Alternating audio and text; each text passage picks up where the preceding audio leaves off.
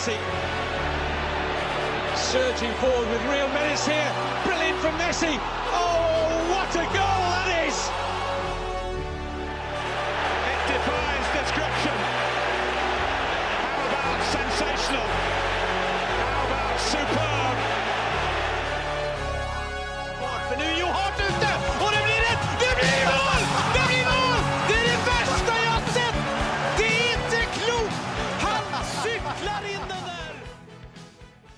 Ja! Da kan jeg ønske velkommen til episode 151 av det ordinære slaget. Med meg i studio sitter Søren Døkker. Hallo, hallo. Hallo, hallo. Mats Granvold. Hei.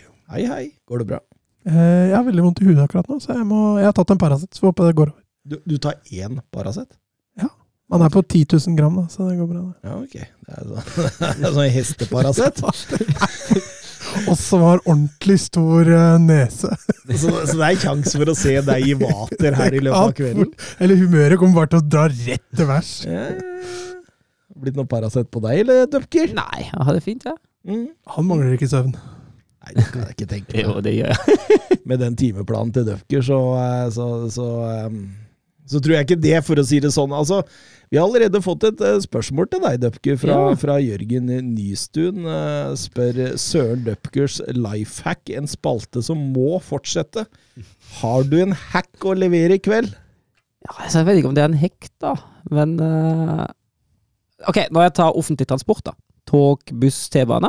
Uh, og så vet jeg, kjenner jeg til den stasjonen jeg skal av på litt, da. Uh, så går jeg alltid på den døra på den offentlige transporten som er nærmest der jeg skal gå ut. Så på Majorstua, for eksempel, når jeg vet at jeg skal ut helt på enden, hvis jeg kommer fra sentrum, da tar, går jeg alltid helt bakerst inn på T-banen. Uh, får eventuelt rekke en buss videre. Uh, det kan være de 30 sekunder som er avgjørende om man rekker den bussen eller må vente. Men er det sånn at du da, hvis det er ledig lenger fram, så velger du heller å stå? Ja. Det er en hack. det, det er en hack. ja. Jeg går glatt et par ekstra meter for å slippe å stå. Jeg, jeg kom på det spørsmålet i dag, og så skulle jeg bort på, på Priksen her borte. eh, For å kjøpe en uh, general porsjon eh, før studiosendinga i kveld.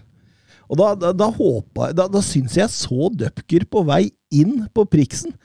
Og så dreiv jeg og, og, og nærmest liksom på en måte lista meg for å liksom prøve å finne noe hacks han gjør i hverdagen, da, for jeg tror det er der vi tar den best. Eh, og, og, og jeg liksom smøg meg gjennom, og så plutselig så så jeg Nei, det var ikke Dupker. Men jeg, jeg var inne på priksen på vei ned hit, jeg. Ja, du har det. Jeg har kjøpt ja. Jeg, jeg kunne ikke se deg, skjønner du. Så det, det var i hvert fall ikke deg jeg trodde det var. Og han var litt sjokkert, for å si det sånn. men, men, men jeg tror liksom at det, de aller beste tinga, de har du ubevisst. Altså, jeg tror ikke du veit om dem. Ja, det, det, Altså Sånn som det mobiltrikset, for eksempel, og sånt, uh, når du har glemt refleks. Nei, det er helt vanlig for deg. Du Ja, tenker ja, ikke det, noe videre over det Ja, det. er helt vanlig greie. Ja. Mm. Ja, du, du, du tenker ikke noe mer på det, og da, da må andre eh, Kall det gjerne mer normale folk som meg og, meg og Mats. Vi må da inn, eh, analysere og se er det der og der etter boka. Eh, for, for du veit ikke sjøl. Det er det som er greia. Det du gjør, er jo etter din bok. Ja, det, det er jo noe med altså, Når jeg har mine rutiner, det er vanskelig å si at de er en hekk, da. For meg, Ja, ikke sant? Ikke sant? Nei, nei, så, så, så vi, vi kommer til å følge med deg, Døkker. Ja, spennende. Spent Ja, på ja, vi observasjonene. Vi kjører skift, vi nå skjønner du, følger etter deg fra morgen til kveld. Plutselig finner døpt en hans under senga eller noe sånt, og da, da er det bare sånn Gutta, nå har dere gått for langt her. Se, han barberer seg når han sover! Ja! Nei, det er et eller annet. Nei ehm, du, du hadde forresten et spørsmål fra Geir Halvor Kleiva, du. Ja, og så har jeg et spørsmål som jeg glemte å ta forrige uke også. Ja, men da, da, da kjører du på med de. Uh, jeg kan jo ta det fra forrige uke først, for det har jeg her. Eh, Det var fra FPL Ulland, og det bør jo ha tatt helt på slutt når vi snakket om norsk fotball, men han spør hvem er førstespiller dere satt på Eliteserien, fantasy-laget deres? Spiller du fantasy Eliteserien? Uh, nei, men jeg spiller fantasy breddefotball. Å, ja, ja, den har du snakka om litt. Ja. Jeg kommer ikke til å være for jeg er flink til å oppdatere den heller.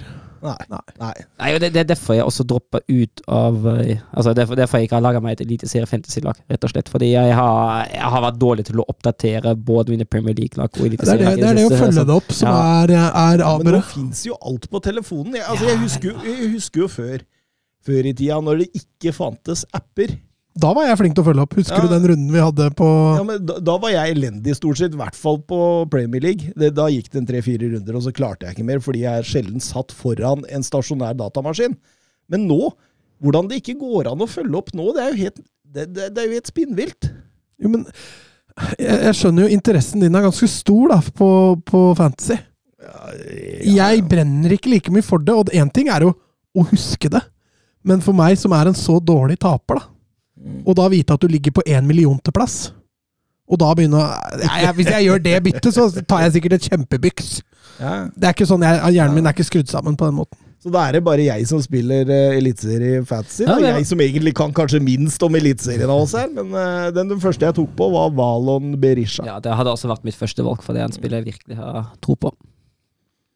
Valon? Veton? Veton. Ja. Ja, der ser du hvor mye jeg kan. Men det gikk ganske bra i første runde, da. Jeg tror jeg blei topp 3000 eller et eller annet sånt første runde. Bra. Hadde, hadde han Christian Eriksen, blant annet. Ja, Og så hadde jeg. Pellegrino som kaptein istedenfor eh, Berisha, som veldig mange hadde. Og det, det, det gjorde seg. Ja, Da har vi et spørsmål til fra Geir Halvor Kleiva, og han eh, spør er det noen lag i championship dere ønsker skal rykke opp, eller kanskje noen dere ikke håper rykker opp.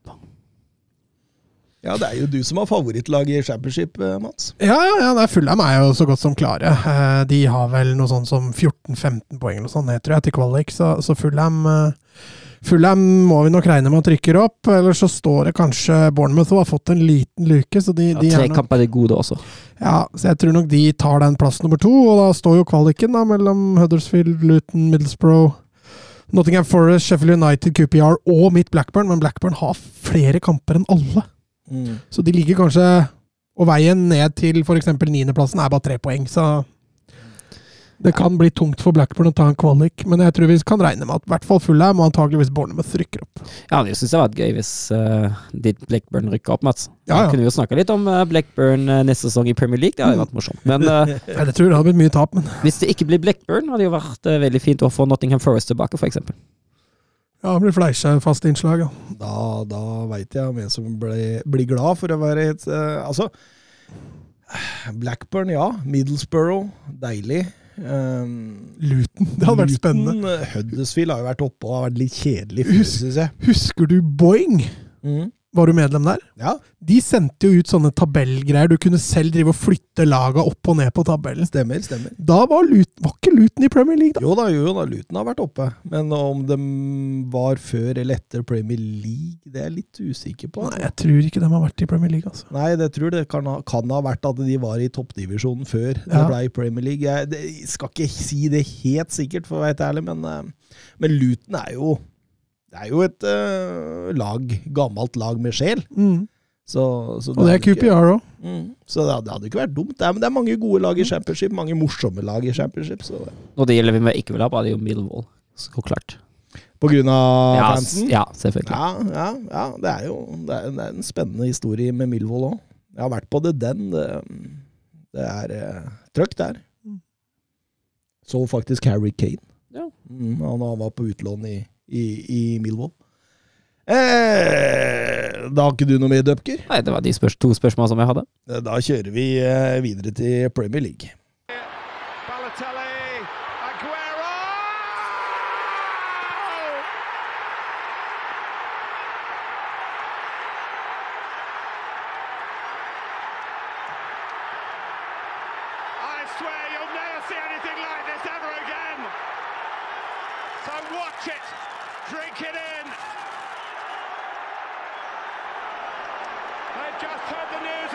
Ja, første sted vi drar til er eh, til Anfield. Eh, Liverpool eh, storfavoritter mot Watford, men det var jo en klopp som Altså, dette er en liten ny klopp. Det er en klopp liksom som eh, rullerer litt mer i laget sitt, egentlig. Altså Ja, han starta jo både med Diaz og Mané på, på benken, sammen med, sammen med både Fabinho og Arnold, så det var ikke noe, det var ikke noe utprega førsteelver, det her for Liverpool, uten at det fikk sånn voldsomt mye å si for kampbildet. Og, og det er jo litt typisk utypisk uh, Jørgen Klopp. Mm. Uh, han er jo men, men, men samtidig, da, Søren, så har han jo fått en bredere stall å kunne gjøre dette med i den siste tida òg. Ja, det har han. Og så tenker jeg jo også at hvis det er én kamp som han har sett seg ut til å hvile noen spillere nå, så var det den hjemmekampen der mot Watford og Liverpool. Altså, selv om de, om de dukker opp med et halvt B-lag, så skal de jo ha god kontroll på den kampen, og det har de jo for så vidt også i store deler av kampen. Altså, de slo jo Milan på San Siro med B-laget sitt. Da bør de kunne også hamle opp med flere Premier League-lag. Altså.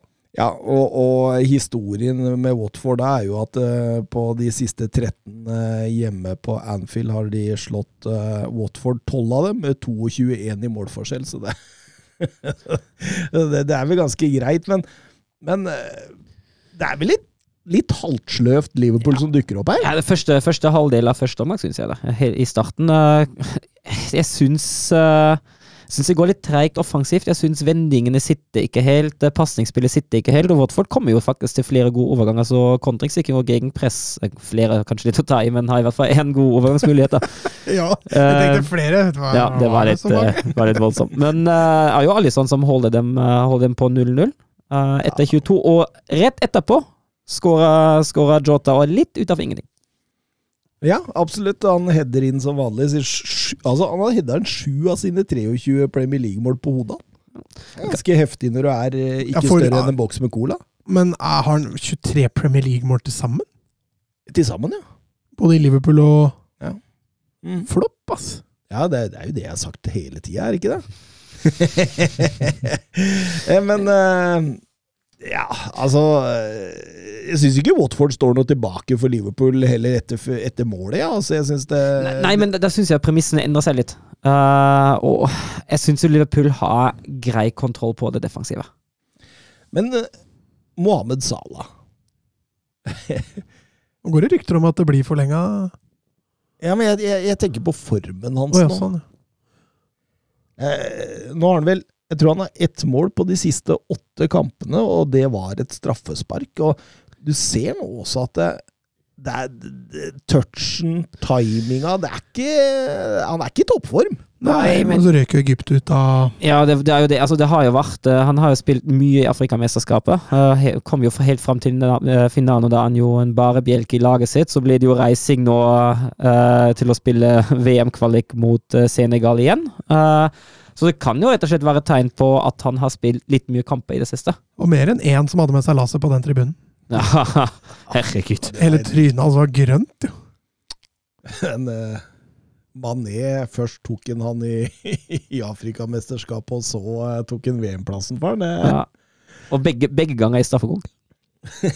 Den er kjipt, men ja, ja, nei, det- vi kommer til pause. Liverpool eh, har jo mye possession, selvfølgelig, uten at de klarer å skape det helt store. Watford ligger og, og hugger og på en måte venter på denne Mm. overgangsmuligheten. Det er jo det de, de vil ha ut av dette. Og, og bakrommet, til, bakrommet er jo potensielt der. For Liverpool står, står veldig høyt med forsvarsfireren sin. Men det gjør de jo i alle Ja, ja, kamper, tenker jeg. Eh, Så er det klart at nå mangler de Arnold bakerst der, eller på bekken. Det er vel eneste forandringa de gjør i, i Mm. forsvar og keeperplass. Ja, han var litt småskada, han Mhm. rakk ikke Jeg kan jo, jeg kan jo altså Vi har jo eh, Sist da Gomez spilte for Arnold, så er jo at Joe Gomez er ingen Alexander Arnold, og det er han jo, det er han jo ikke. Men jeg syns i den kampen løser han det bedre. Han har jo ikke den samme farten. Eh, Så de, de løpende ned til dørlinja de ser vi ikke så mye av ham. Men jeg syns han posisjonerer seg smart, og han slår en god del gode innlegg, altså. Men så får du en spiller som er tryggere defensivt også, Ja. da, enn det du gjør med Arnold. Men eh, det, det, det forblir 1-0 ganske lenge. Liverpool eh, Altså, 1-0 er jo en farlig ledelse mot et lag som er gode til å kontre. Ja, men altså samtidig jeg, føl, altså, jeg, jeg sitter der og føler at det egentlig aldri er helt spennende. Jeg føler at Liverpool har så god kontroll. Ja, utover i andre omgang, så. Du sitter altså Det var ikke som mot Westham, Nei, nei. hvor jeg liksom Her kunne det ikke faktisk komme. Men jeg, jeg satt med følelsen at Watford var et stykke unna. Ja, Altså. og Liverpool er jo faktisk nærmest 2-0 òg. Jeg syns jo Liverpool har de største og beste sjansene. Ja, nærmest. De var så nære at de faktisk skårte 2-0. Ja, ja, til slutt, da. ja, for det er Kutska som eh, Hva er det han driver med der? Altså Ballen er jo ikke i nærheten engang. Dommeren har jo ikke noe valg. Nei. Når han, I hvert fall når han blir sendt ut på skjerm. Da. Ja. Nei, det var litt uh, urutt, kan vi kalle det det? Litt urutt Eh, litt eh, av en rutinert eh, Mm. type. Fabinho setter da 2-0, og da handler det jo bare om å se kampen ut for Liverpool. Og, og kunne legge press da på Manchester City, som eh, spilte litt eh, senere på dagen. Ja. Det var, jeg må jo sitte og se så mange kamper i reprise, vet du. Og da Litt av aberet er å gå inn på sosiale medier. Mm. Mm. Og nå gikk jeg inn litt ut på kvelden, og så så jeg plutselig var en del Liverpool-supportere da som var ute og serieleder, og tenkte jøss, nå har City tapt mot Burnley, var det jeg tenkte. Mm. Men uh, Liverpool-supportere dem er rimelig kjappe og høye på pæra. Litt sånn der uh, Englands svar på Bodø-Glimt-supportere. ja, fordi eh, City var på besøk på Turf Moor, og det, al- al- altså Hvis vi følte Liverpool hadde kontroll, så hadde Ja. i hvert fall Manchester City kontroll. City hadde full kontroll. Vet, vet, hvor mye XG tror du Burnley endte opp med til slutt? 0,02. Eh, Litt, bitte litt høyere! Det var faktisk 0,06. Og altså, det er jo, og premissene blir jo satt etter fem minutter. Ja. Når City scorer et klassisk City-mål, vil jeg kalle det. Mm. ja, når du Og, har sett hele kampen, så Ja, det, er- ble, det, det er signaturskåring. ja, jeg syns det. og kampen ble avgjort der. Ja, det ble det faktisk. Og City, City har jo så, så stålkontroll i den kampen der. Og du altså, føler du hele tida at de har et G til å gå på, hvis det skulle trengs. Ja, ja, absolutt. Og, Minst, minst et G. og- og- et Og fire og fem og Ja. seks. Altså, det, det, altså Gundogan setter 0-2 der. Og, og, eh, jeg, jeg satt og tenkte på det da. Altså, det, det er klart at City bremser jo litt utover i kampen for å hvile litt, og åpenbart at de tenker litt Champions League og litt fremover i tid også. De følte vel nok at, eh, at det på 2-0 der at eh, dette hadde dem. Men så sa jeg jeg tenkte på fram til det Den her taktskiftene de har. Mm. Det, det, det er noe av det mest spinnville jeg ser. Det der når du bare, du bare dytter ball. Ja, men det, det er jo noe av det Guardiola har gjort i alle lagene Ja. sine. Vært gode. Altså, de har de tydelige signalene på 'nå går vi'. Mm. Eh, og Det er utrolig fascinerende når du greier å innarbeide et så bra system på Altså, akkurat det der. altså, det er nesten som de drar ned tempo. Altså Med vilje, liksom. På en måte slår fot, slår fot, slår fot bakover. Ikke sant? Og så kommer han. Og da, da, da, da eksploderer det fra alle kanter. Det, Det, det er ganske sjukt å se på, hvis man liksom tenker igjennom da, hva som skjer, liksom. Jeg er litt overraskende at han ikke brukte alle tre byttene sine på den, i den kampen. der. Mm. Ja, absolutt. Ja. Tenkte på det underveis, at når han skulle Og jeg, jeg, jeg vil snakke litt Rodri òg, jeg. For en Er dette Er, er den blitt Europa topp tre defensive midtbanespillere nå? Eller sånn balanserende? I hvert fall i en treer, syns jeg. ja, De beste dype er jo gjerne i en treer. altså Casemiro, Fabinho og Kimmich. Er det ikke de vi har eh, Ja, ja, men nei, men er, er, er er Rodri der oppe nå? Nei. Det syns jeg, altså. Hvem er det han danker ut av? Nei, men At han er der oppe med dem, da, oh, ja, så, sånn. så, så er jo rangeringa litt sånn vilkårlig. Altså, Klarer du å peke ut den beste av de, egentlig? Jeg synes det er Ja, men men det, det er sånn der hypotetisk, da, hvem som er best i form og sånne ting. Men hvis jeg skulle tatt ut én av de tre, så tror jeg det hadde gått for Kimmich. Mm. Når han er på sitt beste, kontra Det er litt med de offensive egenskapene til Kimmich, da, kontra Casemiro og Fabinho. Ja, nei, Rodri han, eh, han slår meg som nå Han er helt der oppe blant de, altså. Det er, det er fantastisk det han driver med, faktisk. Ehm, nei, det, det, det, Sean Dyche går over til en sånn reinere 4-4-2 og, og, og, prøver, som sagt, men det er som dere sier, at det, det, det, er, det er ikke kjangs. Det er ikke kjangs. Og City drar profesjonelt På en profesjonell måte, kan vi si det sånn. Mm.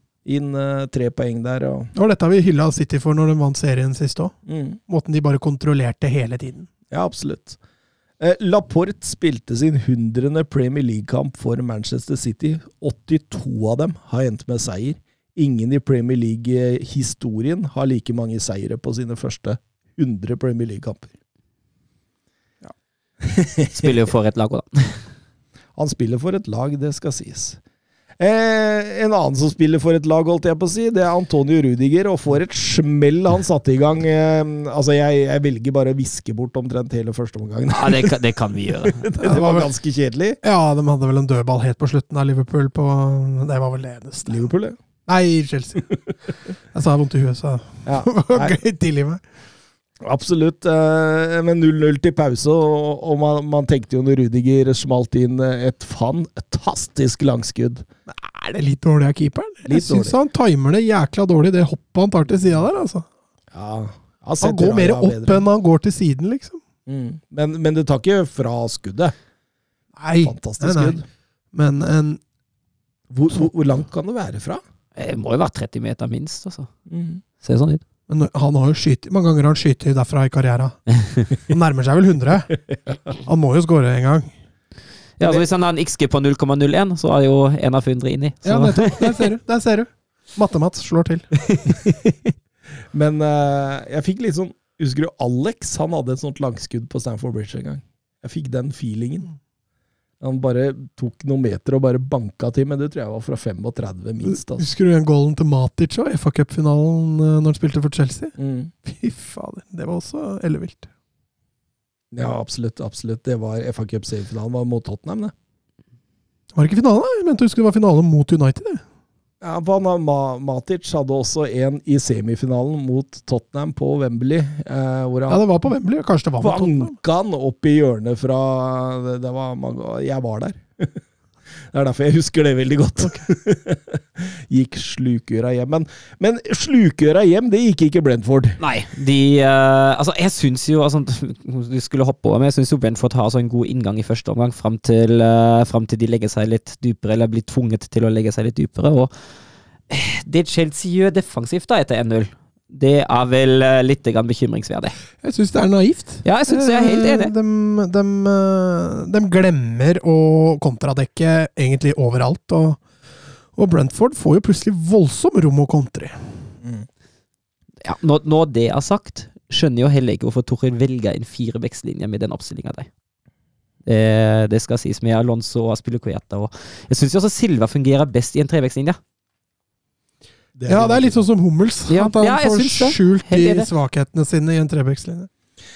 Men det var en tysker, Janelt, som satt 1-1 der. Ja, eh, fin eh, Fin eh, Det er Ayer Ja. som bryter. Ayer Ja. som har hatt eh, eh, Timo Werner i lomma hele kampen. Mm. altså, Bryter foran ja. Werner der. altså er Chelsea-spillerne ett skritt for seint i alle situasjoner der. Mm. Uh, og altså, jeg skal, Brentford uh, spiller, spiller fin one-touch-fotball, jeg skal ikke ta fra dem noe som helst, men uh, ja, som du sa, som du sa Mats, naivt av Chelsea. Ja, jeg syns spesielt kontradekningen til Chelsea Mm. andre omgang, den, er- den er skremmende De dårlig. fanga ikke opp MUMO da Og så den derre Ja, nå er vel skåringa til Eriksen, da, som Hvor Siertz blir liggende igjen etter en dødball. mm. Og han er jo en håpløs førsteforsvarer. Ja, absolutt. absolutt. Så nei, det var ikke bra det Chelsea gjorde der, altså. Eriksen sitter, setter 1-2, og da skriver Bernt Olav Gjellegjerde Hansen til oss eh, Jeg sier bare Christian Eriksen, altså med et hjerte bak. Ja, og det, det- er jo så deilig å se ham spille, fotball igjen. Det er jo så fint, og jeg, jeg trodde jo ikke at det skulle skje. Uh, I hvert fall ikke at han etter den episoden Ja, men men, men nå, nå, nå har han jo tatt steg. Ja, han er, jo, altså, han, er jo, han er jo ekstremt viktig for det Brentford-laget også. Det det har Jeg lest en statistikk at han, eh, etter at han begynte å spille fra start, så hadde snutt eh, Jeg husker ikke hva de nøyaktige tallene var, men så hadde snutt ganske kraftig for Brentford òg. inn i en riktig retning, og jeg syns jo også i den kampen han er jo viktig og god i den sentrale midtbanen. Ja, altså, altså, altså disse stega. Da. Det første så fikk du høre han ville tilbake. Og, og man tenkte jo sitt om det. Og så signerte han for Brentford, og så debuterte han for Brentford. Og, og, og så kom assisten. Og så dro han på landslagssamling ved Danmark. Eh, putta to der, blant annet en i parken. Det var et nydelig, nydelig øyeblikk. Eh, og så nå skårer han for, for Brentford, mot en av sine favorittmotstandere. Altså, han har jo, har jo gode tall mot Chelsea etter tiden hans i Tottenham, så Nei, det, det, det- var vakkert øyeblikk når han satt 1-2 der. Jeg synes det er, nå, nå har han liksom nå, nå kan vi begynne å glemme hva som har skjedd, altså, hvis du skjønner hva jeg mener. Nå, nå er Christian Eriksen fotballspilleren igjen. Han er ikke fotballspilleren som, som falt om og holdt på å dø. Men det, du kan jo ikke noe for å tenke på det. Når du Ja, men, men, men, jeg klarte underveis i denne kampen her da, å kose meg med Christian Jo, Eriksen jo, jo. som fotballspiller, og ikke nødvendigvis sitte og tenke på alt det som hadde skjedd rundt den.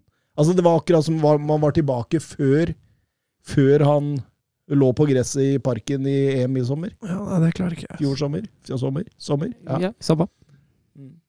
Ja, fjor sommer. Det Fjor, blir riktig, det. fjor sommer. Riktig, er riktig, det. altså. Sommeren har ikke vært ennå i år, i hvert fall. Er Håper jeg! tenk, tenk det, ja, hvis det er fordi Du veit jo aldri åssen vær du står opp Altså, jeg så jo at det var rekord med antall dager i mars uten nedbør. Så tenkte jeg det hadde vært kjipt om sommeren var over der. Ja, tenk hvis vi har brukt opp alle sollagene for året nå. Mm, Ja, det Når det er sånn ti grader ute maks. Nå venter vi på desember her. men men eh, det, det blei jo et eventyr for Brentford. Det, det Måla klappa og gikk der. Janelt Jan Helt satte jo sitt andre for dagen der. Og det, det, det, går, det er altså fryktelig enkelt. Det er én lang ball, ett vunnet hodeduell og ett løp i bakrom. Ja, men den trekanten Brentford setter opp der, ja, det, den den, er jo den, klasse! den, den er sterk, men du skal jo ikke få et sånt baklengsmål som Nei, jeg er det. Ett rom, ett løp er det der, så Ja. det bør plukkes opp. Det er jeg selvfølgelig helt enig i, men en sånn tredjemannsbevegelse, går det fort nok, så er det ikke så lett, altså. Nei, absolutt. Absolutt. eh, Sender inn Lukaku der. Han var vel nær at ballen tre ganger, tror jeg. Han ser jo helt ferdig ut.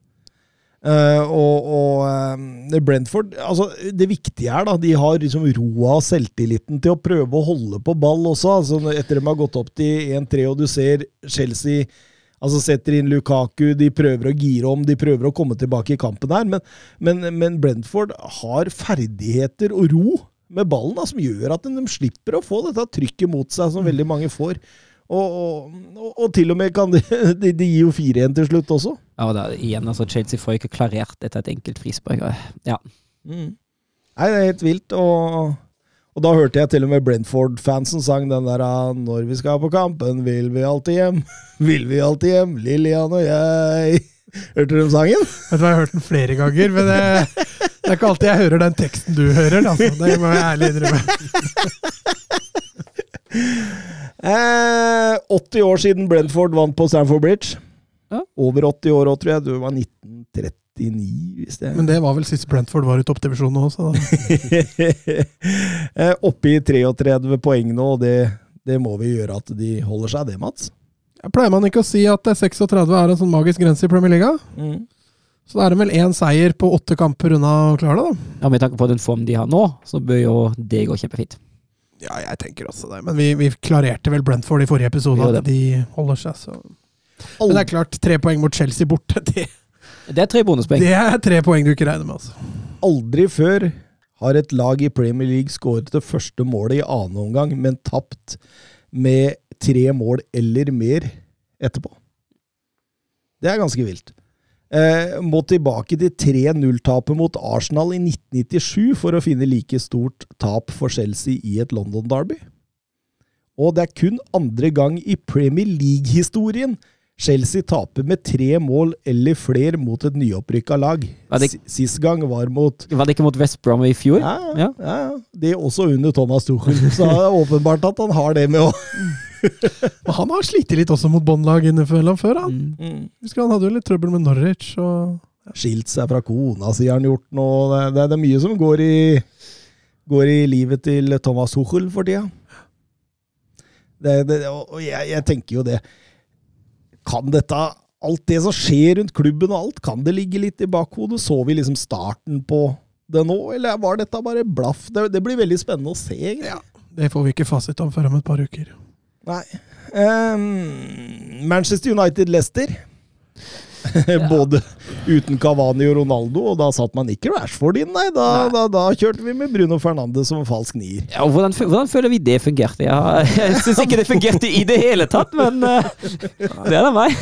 Altså, Langa er litt bakromstrussel. Uh, Litt. Sancho er ikke det. Ikke fordi han ikke kan være det, men fordi jeg tror de spiller ikke på den måten.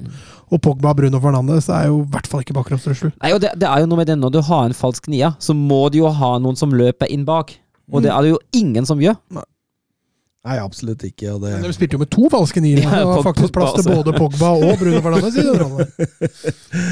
Nei, det var, det var eh, ganske lite sjanser i første omgang der. Eh, begge lag jeg syns de slo bort ballen um, i farlig på Altså, det, det var mye dårlig spill, rett og slett. Ja, det, det bølget, men det bølget fram til boksen, og så ble det, ble det dårlig, som du sier. Det, det, var- det var litt sånn upresist og litt sånn urytmisk over egentlig begge lag i store deler av den første omgangen. Men har eh, Ragnhild tatt litt, tatt litt eh, Hva skal si? Vann over hodet. Nei, tak, tenker Ja. jeg på på stoppeplass.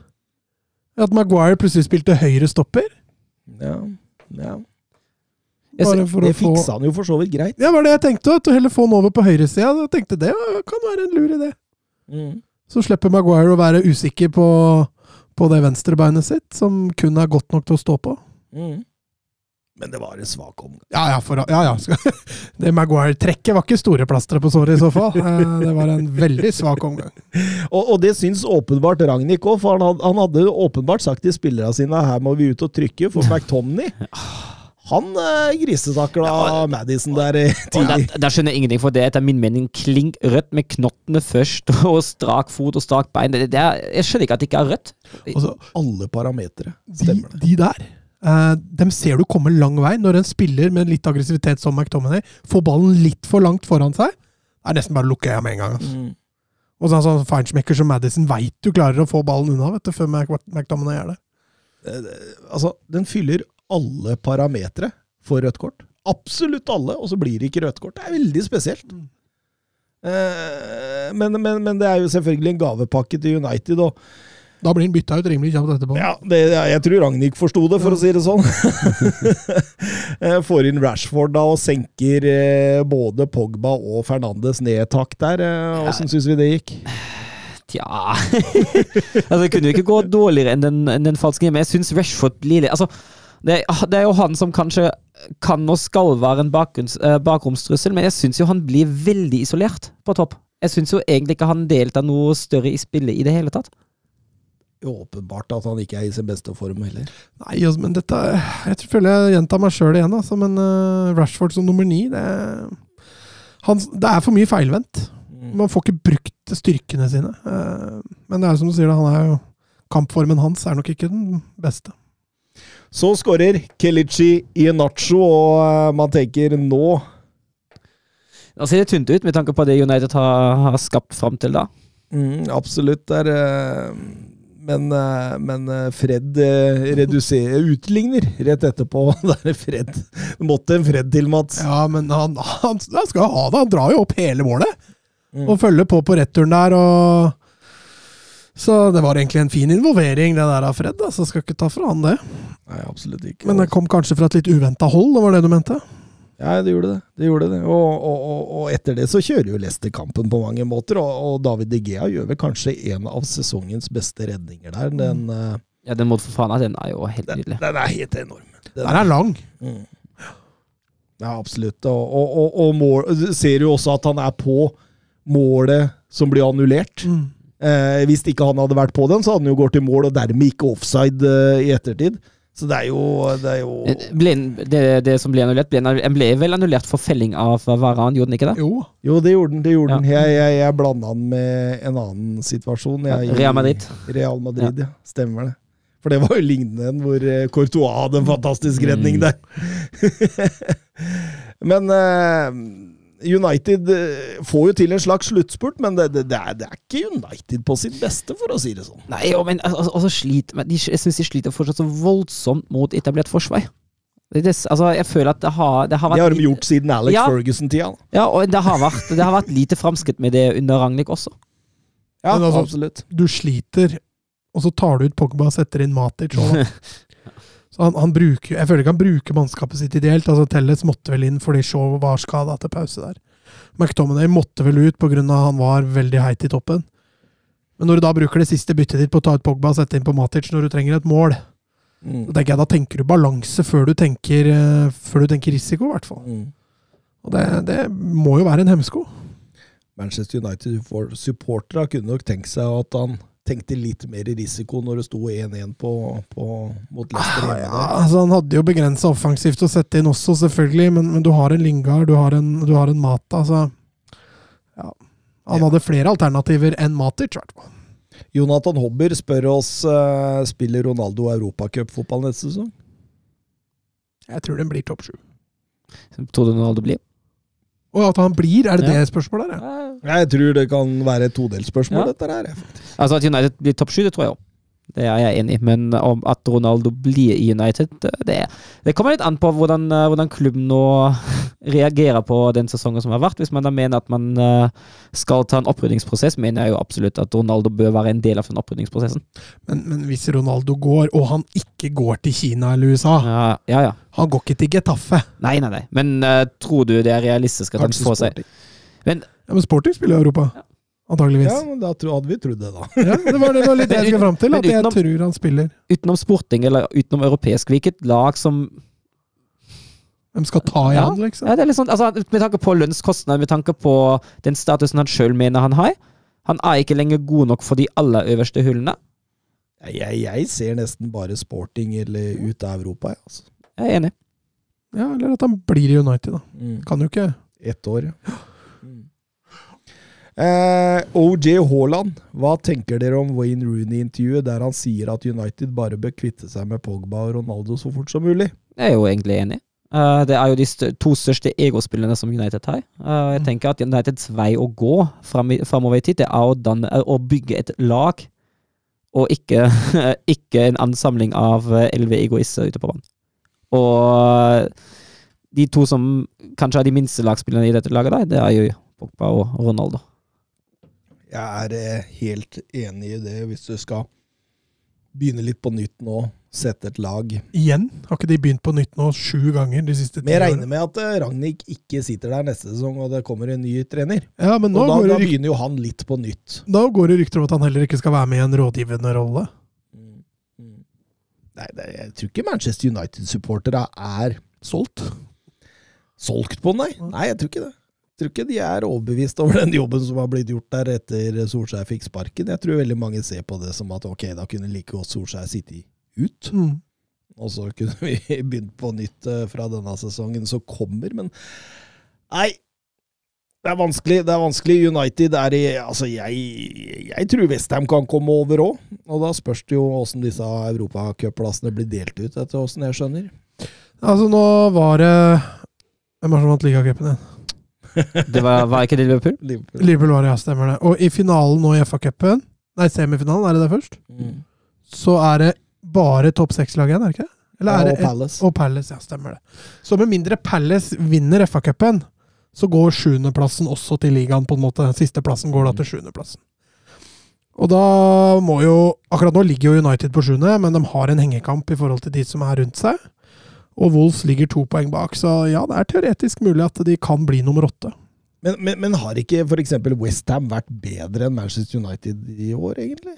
Nei, Ja, altså hvis, når, når det virkelig først ruller for United, så ser det jo ikke så halvgærent ut. Men det ruller altfor sjeldent.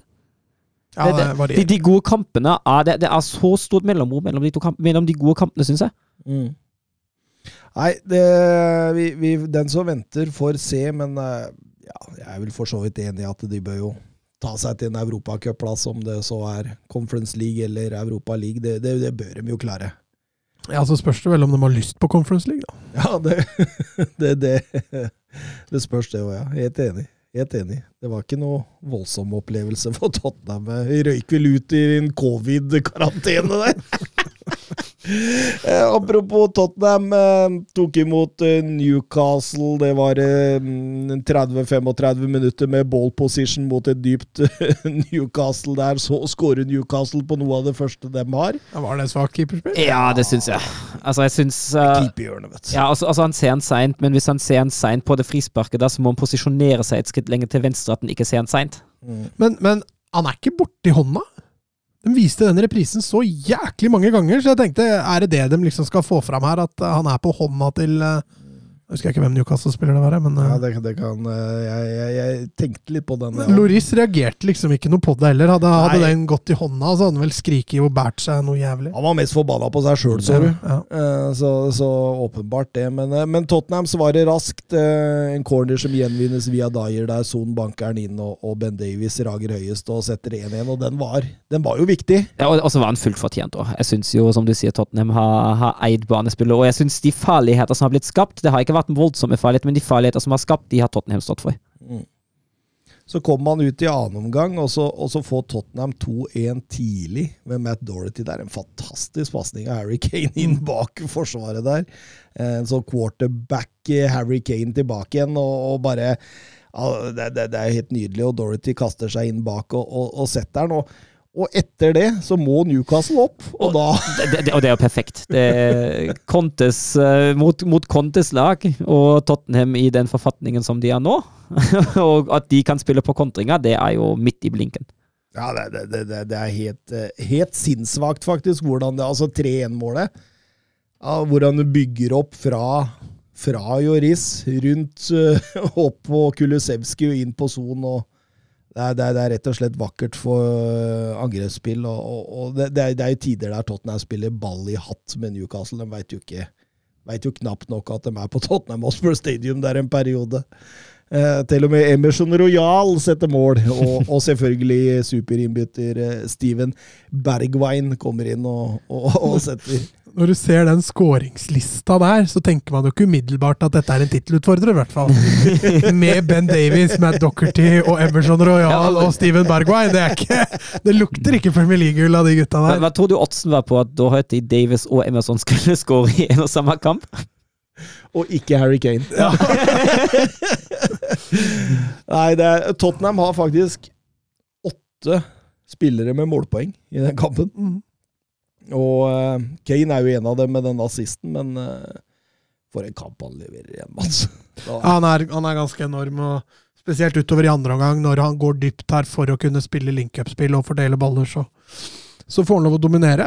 Litt skuffende av Newcastle, selvfølgelig, men eh, Newcastle har jo OK kontroll fram til de får 1-0. Og det ene målet der på dødball til Ben Davies, det er helt avgjørende. Hvis Newcastle får lov å gå til pause der på 0-1, tror jeg den andre omgangen kunne blitt langt trådere for Tottenham. Også. Da hadde de i hvert fall ikke eh, gitt bort de romma så lett Nei. som det de gjorde. Og det er som Søren sier, når 3-2-1 kommer, så det er jo egentlig bare et spørsmål om hvor stor seieren skulle Men, bli. men, men jeg sa til Søren før, eh, før eh, sending her Jeg har aldri sett dem spille så bra offensiv fotball som det de gjør eh, nå, siden altså prime Pochettino. Nå, for nå, nå, nå, nå glir det, og, og, og, og liksom du ser Kulisevskij kommer inn der og blir en son 2-0, da. Som gjør at de får enda flere strenger å spille på. Og så kommer Vingbekka. Du kan si hva du vil om Vingbekka, at det, ikke, det, det, det er jo ikke det er jo ikke Hakimi og, og, Og Denzel Dumfries, på en måte. Men, men de gjør jo jobben. Altså, Vi snakker jo om en Conte som fikk Victor Moses til å skinne på høyre wingback i Chelsea. Ja, og Ashley Young på venstre. Ja, I og, Inter. og, og, og du kan si hva du vil om Matt Dorothy, altså, men de kampene han har levert nå, de siste fem, seks, sju rundene, det har jo vært på eh, et, et skyhøyt nivå, faktisk. Vi nevnte vel litt om det òg, at eh, dette kan bli Dockertys nye vår. Ja, vi gjorde det, fordi han eh, liker å børste støv av wingbacker og prøver dem Ja. på nytt. Og spesielt litt aldrende engelske. Dem er han Mm. veldig glad i. Ja, han, han har jo kjøpt eh, Ashley Young, blant annet, han, så eh, Tottenham går dermed opp på fjerdeplass. Får én kamp mer spilt enn Arsenal, som tapte litt Ja, tapte i går kveld. Eh, den skal vi til etterpå. Vi må svare på et par Twitter-spørsmål før. Eh, Steffen Hansen.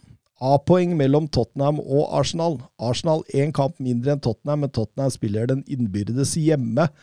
Blir det kamp til døra her, og kan noen ta igjen Chelsea? Et kamp til døra, det tror jeg. Det blir fort. Det blir, en, eh, det blir eh, i tillegg til, til gullkampen, noe av det mest spennende. Den duellen om, om fjerdeplass. Nå, ja, at, jeg tror jo at i hvert fall ett av laget teoretisk sett kan ta igjen Chelsea, men jeg tror ikke Chelsea faller helt ut. Vi var jo litt innom det forrige episode allerede. Jeg, jeg tror Det, det, den eneste faren jeg ser med Chelsea, da, det er at de er i Champions League, og de er i FA-cupens semifinale. Mm. Og, og, og, og med det liksom Altså, Arsenal og Tottenham har Premier League å, å konsentrere seg om. Og det, det, det- det er en enorm fordel, altså. Ja, du får hele tiden da, da framover, så får du bare én kamp i uka, da. Mm. Uh, og det er klart det er en stor fordel. Spesielt da for lag som spiller med høy intensitet, da, som Tottenham og sånn. De, de vil jo gagne på dette. Uh, Chelsea, det så ikke bra ut altså mot Brentford. Den andre gangen der må ha vært fryktelig, fryktelig å se på for en Chelsea-supporter. Eh, jeg, jeg tror ikke dette blir normen framover. Men hvis det er normen fremover, da er de i kjempetrøbbel. Jeg tipper da eh, Tore klarer å trekke konklusjoner ut av det. Han har jo gått på en smell, vi har vært innom det. Eh, Thomas nevnte jo den mot, eh, mot West Brom. Og det, han jo, det har jo ikke ødelagt Chelsea i år, selv om den, den kampen da var vel 2-5, hvis jeg ikke husker helt feil. Den var også helt katastrofe. Men jeg ser liksom Chelsea, tøffe oppgjør mot Real Madrid. Du har en semi mot Crystal Palace som er i kjempeform. Du har i tillegg har de Arsenal, Westham, de har Wolverhampton, Manchester United og Leicester på, et Ja. Leicester på bedringens vei. Altså, det, er, det, er, det er jo potensielle fangafallgruver her. Mm. Så, og, og de har vel Er det fem poeng mellom Eh, Tottenham ja, og Chelsea nå? nei, var det ikke seks, var det ikke ni poeng? Eller var det eh, åtte poeng? Vent, da skal jeg sjekke. Det må du få sjekka for oss. før vi Chelsea har 59, og Tottenham og Arsenal har 54, så er fem poeng er riktig, Ja. da. Hvis, uh, Hvis, hvis Arsenal vinner det, det, det spises på et jafs, altså! Arsenal, men Chelsea har én kamp mindre spilt da enn Mm. Tottenham. Mm. Nei, men det kan det, Altså Jeg tror det ikke. Jeg tror Chelsea tar dette her, eh, men Men, Ja, men taper de neste nå, Ja, og Arsenal og Tottenham vinner den, da er det plutselig, er det plutselig bare to poeng. ja og, og, og taper de neste da, så begynner du å liksom se at ok, har man kommet inn i en dårlig Ja. flyt her nå, liksom, og så kommer Champions League opp på det, og så kan det balle på seg. Så du veit aldri. altså Det er veldig spennende å se det der. Um, Petter Støvland, Conte styrer selvsagt uh, mot Champions League-plass nå. Nummer to i ligaen i 2020, nummer tre i ligaen under Conte. Skåra nest mest mål i 2022. Uh, så tror to av tre på Arsenal. Latter-emoji. Um, ja, for det, det, det er jo altså Men Arsenal kan ikke ligge langt bak Tottenham på den tabellen han snakker om. Det veit jeg ikke. Arsenal har jo også gjort det knallbra i 2022, dem òg. Jeg har ikke sett noe tabell, jeg bare sier det han skriver her. Uh, så jeg kan ikke gå god for det, men, eh, men uh, åpenbart da, så er vi jo det laget som i 2022 som hadde ligget på annenplass og skåret nest mest mål. Det er jo en god form. Det er Men god form, greia er, når vi har tro på Arsenal, så er det ikke det fordi vi mener Tottenham er så veldig mye dårligere. Nei da, nei da. Nei, for, for del. Eh, så men, men, men, men, men fikk kampen i går et lite skudd på baugen? Ja, jeg, jeg skal ikke vingle etter én dårlig kamp. Uh, eller, ja. Uh, Palace borte, det er flere er som har ryket der ja. da. Så. men det, men det, måten, måten hvordan Den måten det blir bruker gjort på, på, ja, den er, den, det er Jeg sa det, sa det før du kom til Thomas, at det var litt sånn tilbakefall til, eh, til høst eh, 2021, det, altså. Ja, vi kan jo ta den. Uh, Crystal Palace, Arsenal. eh, tøff kamp på Sellers Park. Selvfølgelig er det det, men det, er, det, er, det er jo tett og jevnt innledningsvis før egentlig Crystal Palace løper sokkene av Arsenal. De, de, de klarer å hindre de korridorene de vil eh, angripe i. De stanser rett og slett angrepsspillet deres ekstremt effektivt, og så går de lynhurtig i angrep. Men du ser også de tar ut Martin Ødegaard. Han har en forferdelig kamp, Ødegaard. Eller forferdelig i form av hva han har vist tidligere i år, da. Um, Jeg vil si at uh, bom på en kjempesjanse, lage straffe og ikke få til sånn voldsomt mye, er forferdelig. ja, men han hadde jo, var, var svak. Uh, så det å få tatt ut han, da, som har vært så toneangivende for Arsenal, det var nok en del av kampplanen til, eh, til Vieira. Og du kan vel mildt sagt si at de lykkes, på mange områder. Ja, absolutt. Det, altså Det sto 2-0. Det kunne vært eh, tre. Det kunne vært fire til pause der, fordi det, det, var, det, var, det var klasseforskjell mellom laga. Ja, og Saha fikk Arsenal aldri kontroll på. For en deilig spiller det egentlig er. Ja, men han må være fryktelig frustrerende spiller òg. Mm. Altså, det her er det han leverer når han er i gang, liksom. Og så har du kamper hvor han får rødt kort etter tre minutter fordi han sparker en spiller i balla, ikke sant. Så han må jo være Han er jo begge ender av den skalaen. Hørte du Jonathan Parr sin historie om, eh, om Saha før eh, kampen i studio der? Nei. Det var veldig morsomt. Han hadde vel sittet med han, han var tidligere romkamerat med han i Palace. Og så hadde han sittet plutselig Han hadde sittet med laptopen sin. Og så hadde han sittet sånn Å, det der er, der, det er så bra! Det er så bra! Det er så deilig! Og liksom og der! Å, nydelig! Og så hadde Jonathan Parr tenkt liksom ah, ok, han sitter og ser på videoer av Ronaldinho og Messi eller noe sånt. nå. Så han gått bort og sjekka, da, og da satt han og så på videoer av seg sjøl. Så han har åpenbart en selvtillit, da, og en Men jeg, jeg har alltid drømt om å se liksom en sånn der, mm, et sånt lag med, liksom med, med Maximæ og Saha på samme lag. Det har vært ekstremt morsomt. Ja, Hvis de taper 5-0, så kan det jo bli underholdning, og hvis de vinner, så er det jo dem som drar i gang alt sammen. Så det er jeg enig med deg. Men eh, hva tror du Arteta dro av dette? Nei, Han har jo sikkert fått noen miner han må tenke over, for det, det her var ikke, var ikke det man eh, ville se nå. Men altså, Palace borte igjen, det er en kamp som er veldig vrien. og Jeg veit ikke hvor mange poeng de har kalkulert med her, men eh, For det, det handler jo bare om å nullstille. Fort som F for neste kamp blir minst like viktig. Arsenal har kun tapt London Derby med tre mål eller flere fire ganger i Premier League-historien. Sist gang var 0-3 på Sellers Park i 2017. Det er et vanskelig hjemmelag, og det er jo den stemningen det er Ja, altså Stadion er så intim, da. Det er liksom gamle Highbury-stemning, egentlig, bare med litt lavere tribuner. Eh, Så den er, den er vrien, den der, altså. Mm, mm. Helt, helt klart uh, morsomt å se hvordan Arteta også prøver å liksom altså i, i kampen hvordan han prøver å, å bytte posisjoner på spillere, få Emil Smith-Roe inn sentralt, kjøre en trebekslinje etter hvert. Han, han jobber i hvert fall iherdig da, for å prøve å løse dette her, selv om det, det altså, De er jo bedre i annen omgang enn de er i første, men det, de er jo ikke i nærheten, egentlig. Nei. Den kampen her var et langt steg tilbake, dessverre. Vi går over til La Liga. Ja assistència de Xavi més cap dreta per Messi, Messi, Messi, Messi, Messi, Messi, Messi, Messi, immens Messi, encara Messi, encara Messi, encara Messi, encara Messi, encara Messi, encara Messi, encara Messi, encara Messi, encara Messi, encara Messi, encara Messi, encara Messi, gol, gol, gol, gol, gol, gol, gol, gol, gol, gol, gol, gol, gol, gol, gol, gol, gol, gol, gol,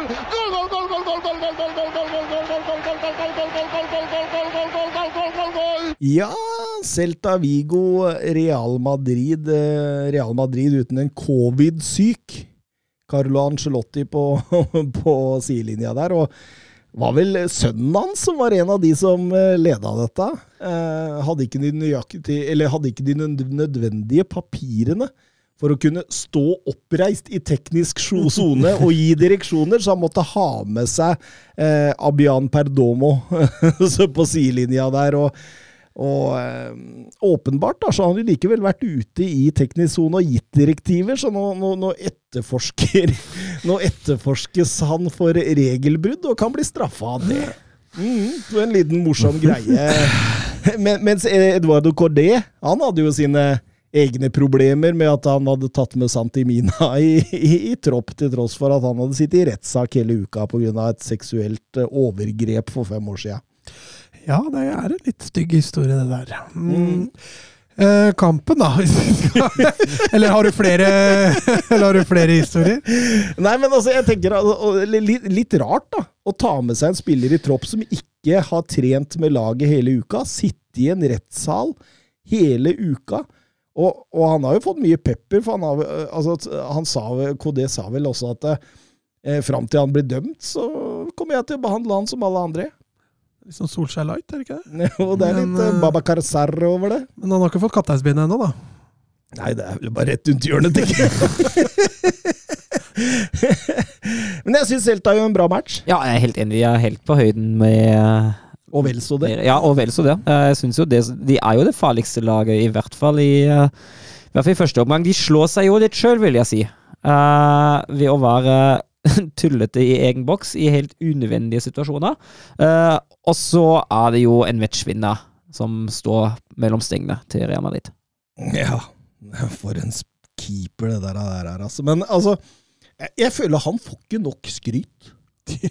Han får ikke nok skryt, altså. Courtois, nei. Nei. nei. Og i kamper som det her, da, helt, helt avgjørende. Eh, Real Madrid igjen halter, eh, kan vi si, og de reddes av en matchvinner bakerst og en matchvinner fremst. Og kanskje en dommer, eller? Ja, det er ene straffesparket der, er i hvert fall Vi, vi, vi, vi kan jo ta det, for altså, Real Madrid eh, eh, får straffesparket til 17 minutter, Benzema setter den. Ja, Helt det- greit. Nolito spiss i egen boks. Vi kommer jo seinere til en annen spiss i egen boks som ikke helt oppfører seg på riktig måte heller. Men fryktelig unødvendig, den taklinga der. Ja, ja. Hvor, hvor skal Militao? Ja, det, det, det Jeg fatter ikke selv sjøl. altså, der går Militao lett. Ja, men det, er- men det, jeg jeg syns fortsatt det er riktig straffe, altså. Tullet av, av uh, Nolito. Og den er fair, men så, så, så setter jo Nolito 1-1 sjøl der etter et fantastisk angrep. Ja, det. Altså, altså, jeg liker hvordan, eh, hvordan, eh, hvordan Alaba overloades sentralt der. Det er, det er herlig. kommer to løp inn i Ja, midten her. ja, nydelig. Veldig morsomt også å se hvordan Lucas Vasques eh, sliter med, med Xavi Galande på, på eh, kanten der. Men Galan var et bra kjøp av Celta. Altså. Ja, Strålende spiller, altså. Så energisk. Eh, veldig morsomt å se på. Eh, men så får Real Madrid straffespark igjen. Den er også grei. Ja, og, altså, like tullete som Nolito sin. Mm. Ja, absolutt. Benzema tar den, og, og Di Toro redder. Mm. faktisk det første straffesparket i eh, Real Madrids historie. Han eh, brenner eh, Benzema i sin i Real Madrid-historie. Jeg satt, satt vel inn over mål for ikke altfor lenge siden. Da var det i La Liga. Ja, det var i La Liga. Nei, men han, han bomma jo i La Liga. Han satt over mål mot, mot hvem var det? Han uh, brant én over kassa. Jeg er sikker på det var La Liga, ikke Champions League. Ja, jo, er- jo, fordi Oppda, Oppda skriver her Di Toro er den første keeperen som redder Ja. et straffespark fra Benzema. Så Ja. derfor mm. Eh, kommer den inn. Mm. Eh, eh, men så eh, Men så kom jo dette straffesparket, da, og, og Vebjørn Fredheim som skriver det siste straffesparket til Real Madrid er vel av det billigere slaget, slaget, det, det, kanskje. det mener jeg at det er direkte feil. Uh, må de legge seg ned i god tid før det kommer Fordi det hele Slepe beina etter for Ja. å få kontakt der. Altså at, Og at ikke VAR går inn og, og retter på det, skjønner jeg ingenting av. Nei, det, det, det, er helt utro, det er helt utrolig, egentlig. Eh, fordi Altså han, han prøver ikke å unngå den kontakten, for å si det sånn. Altså, det, det, det. Nei, altså, jeg er for så vidt enig i at den er jo kjempebillig, men det at det er en eh, Favorittsetningen til Thomas, det er kontakt der. Ja, men det, det, Det gjør at jeg tror VAR vegrer seg litt for å ta en avgjørelse på det. da. ja, men jeg syns jo han faller jo inn i Ja, altså, Han konstruerer Ja. jo, det er jo ingen tvil om det. Og det er, Jo, men akkurat det som du sier der, da. Han konstruerer, han faller inn i ikke sant? Det er det VAR bør se på, da. Ikke sant? Hvis ikke så blir de jo lurt. Ja, og da, da, da kan du hive VAR ut av vinduet, da, så kan du si ha det bra og tolv fulle sjømenn. Altså, Det er ikke Ja, men det er hvor, Ja, men- ofte, hvor ofte er det VAR går inn og retter på sånne typer? Ja, men det bør de jo altså, jeg det, tenker det, det, dere bør det, gjøre, da. Ja, jeg er helt enig. For, altså, greia er at, at, at fotballkommentator sier at ja, det er kontakt, så det er det var noe der. Ok, greit. Men det- dummeste jeg hører. Ja, men det er greit. Men dette er toppdommerne som sitter og skal rette på det. Ja, Og de, de bør i hvert fall kunne forskjell mellom det er kontakt og det er straffbar kontakt.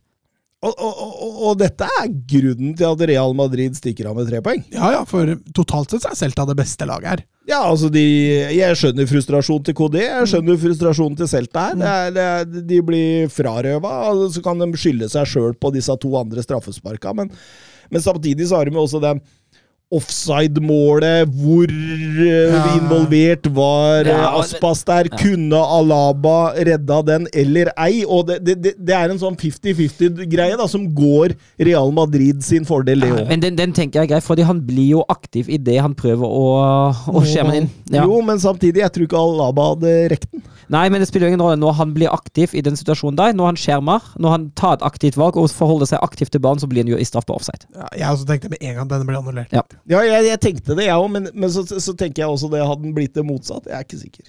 Ja, at hvis Celta hadde Ja, hvis det, hvis det hadde vært Alaba som sto på streken og, og skjerma dem, så er jeg ikke sikker på om det hadde blitt tatt.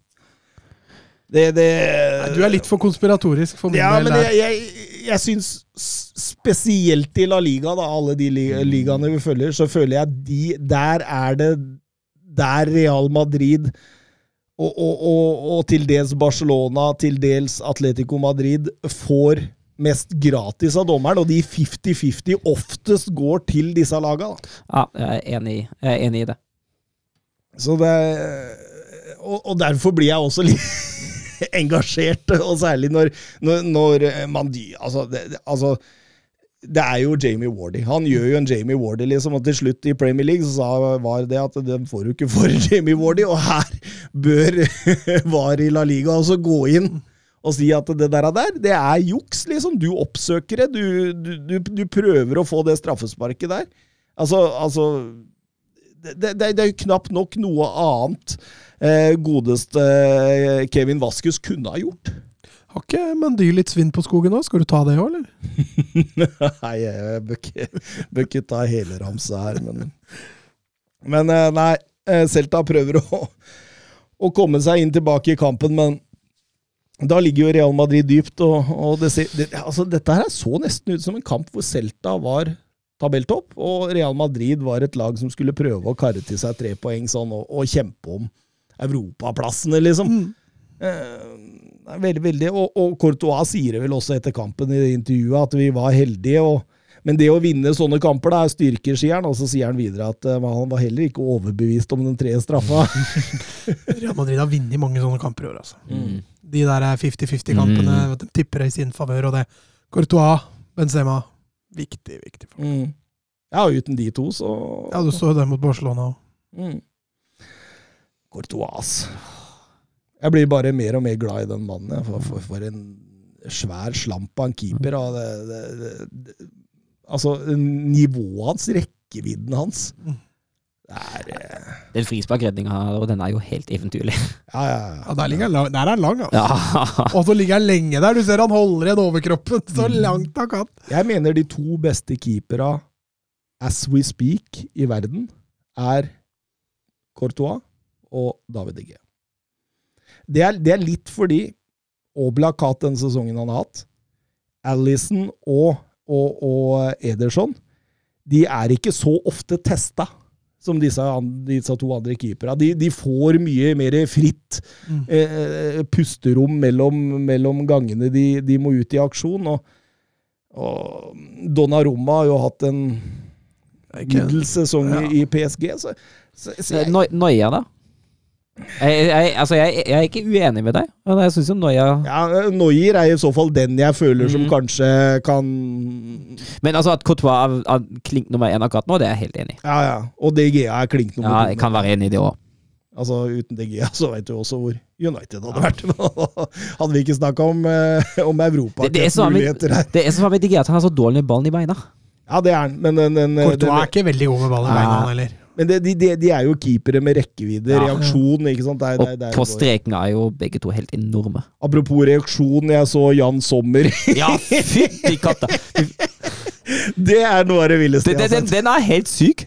Den er, altså, men, Den men, hadde han ikke to, da? ja, han hadde flere, altså, han hadde flere den som var helt enorme, men den der første da, når, han, når, han, når han først redder den første, og så kommer, kommer returen, og han motspilleren får nærmest åpent mål. Han har en sånn kjemperefleks og får den over tverrliggeren. Herregud, er, det er jo sesongens redning i Bundesliga.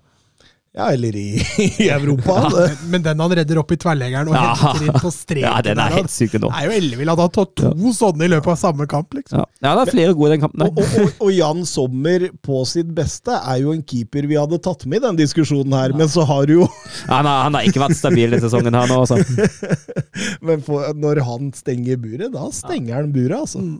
Det er og, og har de mest spektakulære redningene omtrent en keeper kan ha.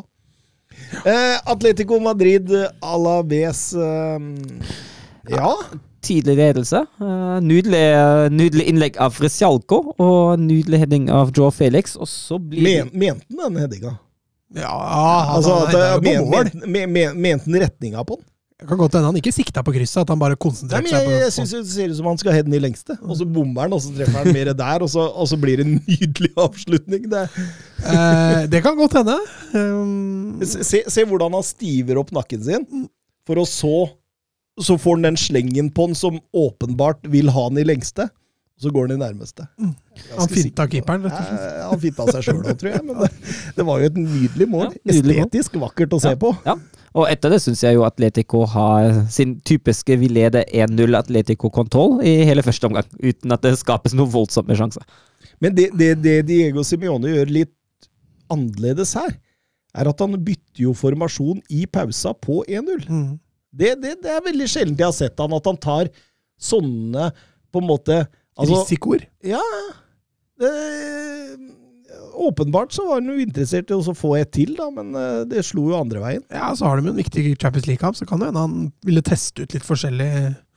Men jeg er helt enig, de mister initiativet. De mister føring, eller mister den kontrollen de hadde i første omgang, når de går utpå i andre omgang. For plutselig begynner Alaves å diske opp noen gode skåringsmuligheter. Og Escalante setter jo 1-1 der. Ti Mm. minutter i. Ti minutter, i, men eh, Diego Simione han hiver innpå både Luis Suárez og Mateus Cunha, og de blei jo viktige begge to. Ja, definitivt. Det var jo altså eh, Jeg syns jo Suárez i noen situasjoner så var han jo nesten som Harry Kane i kontringsspillet. Nesten som en quarterback som oppspillspunkt, altså. El Pistolero, vet du. Men Der tror jeg nesten snart er det eneste. Altså, inni femmeteren, og hvor han kan spre litt baller. Det er der du kan bruke han nå, tror jeg. Han er ikke veldig tung! Ja, og i link-up-spill og, og ja, Der er han håpløs, altså. Tenk hvis han går til Aston Villa neste Da skal han få kjørt seg, si! Ja, da skal han få kjørt seg, si. Uh, men Men det, det er jo også han som setter Atletico tilbake på, på seierssporet.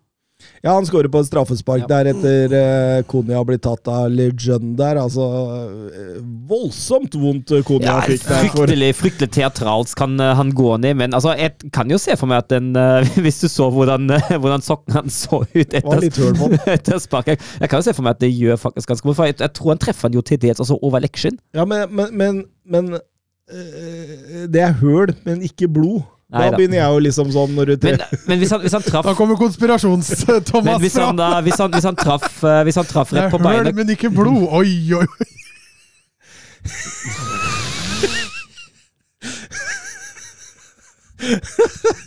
Skjønte, skjønte du? Begynte du å snakke om mensen nå, liksom? Det? Snakker vi fotball nå? Jeg datt helt ut der. Det, det er Jeg høl, mente sokken. det er høl, men ikke blod. Da. Nei, da hadde jeg begynt å susje sjæl, altså. Nei, gå videre. Oi, oi. Nei, men jeg tenker Hvis han får den, hvis han får den midt på, midt på skinnleggen, så gjør det jo vondt. og jeg skjønner jo det, Men at han går så, ned så det her teatralsk reagerte på det sjøl, egentlig. altså. Det var jo et fryktelig teatralsk fall, men helt riktig med straffe. Helt riktig med straffe og El Pistolero. Setter han sikkert fra 11-meteren, og da, da, da, da får jo Atletico Madrid større rom. Ja. Og, og, og, Felixen blir lagt bredt, og det tror jeg var også en, geni, eller en eh, god, god plan med å få Felixen på høyrebeinet sitt innover, og det resulterer jo også i, i 3-1-gålen her. mm. Felixen som er i sin livsform for tida, og, og eh, Ja, nå blir han ikke bytta ut lenger heller. Nei, og du ser han har selvtillit. Så han, mm. han er litt sånn vågal, han har en ro over seg. og det er også, Han er jo veldig involvert også i fremspillet til 4-1 der. Eh, Konya som sender han videre der, og, og, og Suárez i bakrom som nydelig bruker utesida av foten sin. Avslutte kan den da, Mats. Ja, men det er jo det jeg sier. Innafor femmeteren så, så kan du ha Suárez. Og Det er klart, Suárez i bakrom det er en setning du ikke kommer til å bruke så veldig ofte framover. Nei, absolutt ikke. Um, Skår i gleden uh, før møtene med Manchester City. Jiminez ut med skade. Den er, den er tung. eh, kom med rapporter at han ikke skal være med mot City, så da, da sitter nok den litt i. Mm. Eh, Atletico Madrid vunnet seks strake kamper i alle turneringer. Det er fire år siden de sist sydde sammen en sånn rekke, så de, de har funnet eh, formen når de behøvde i forhold til å, å kunne ta en Champions League neste sesong. Og i, i går annonserte vel Alaves at de hadde sparka Mendilibar eh, i et forsøk på å prøve å overleve. Mm.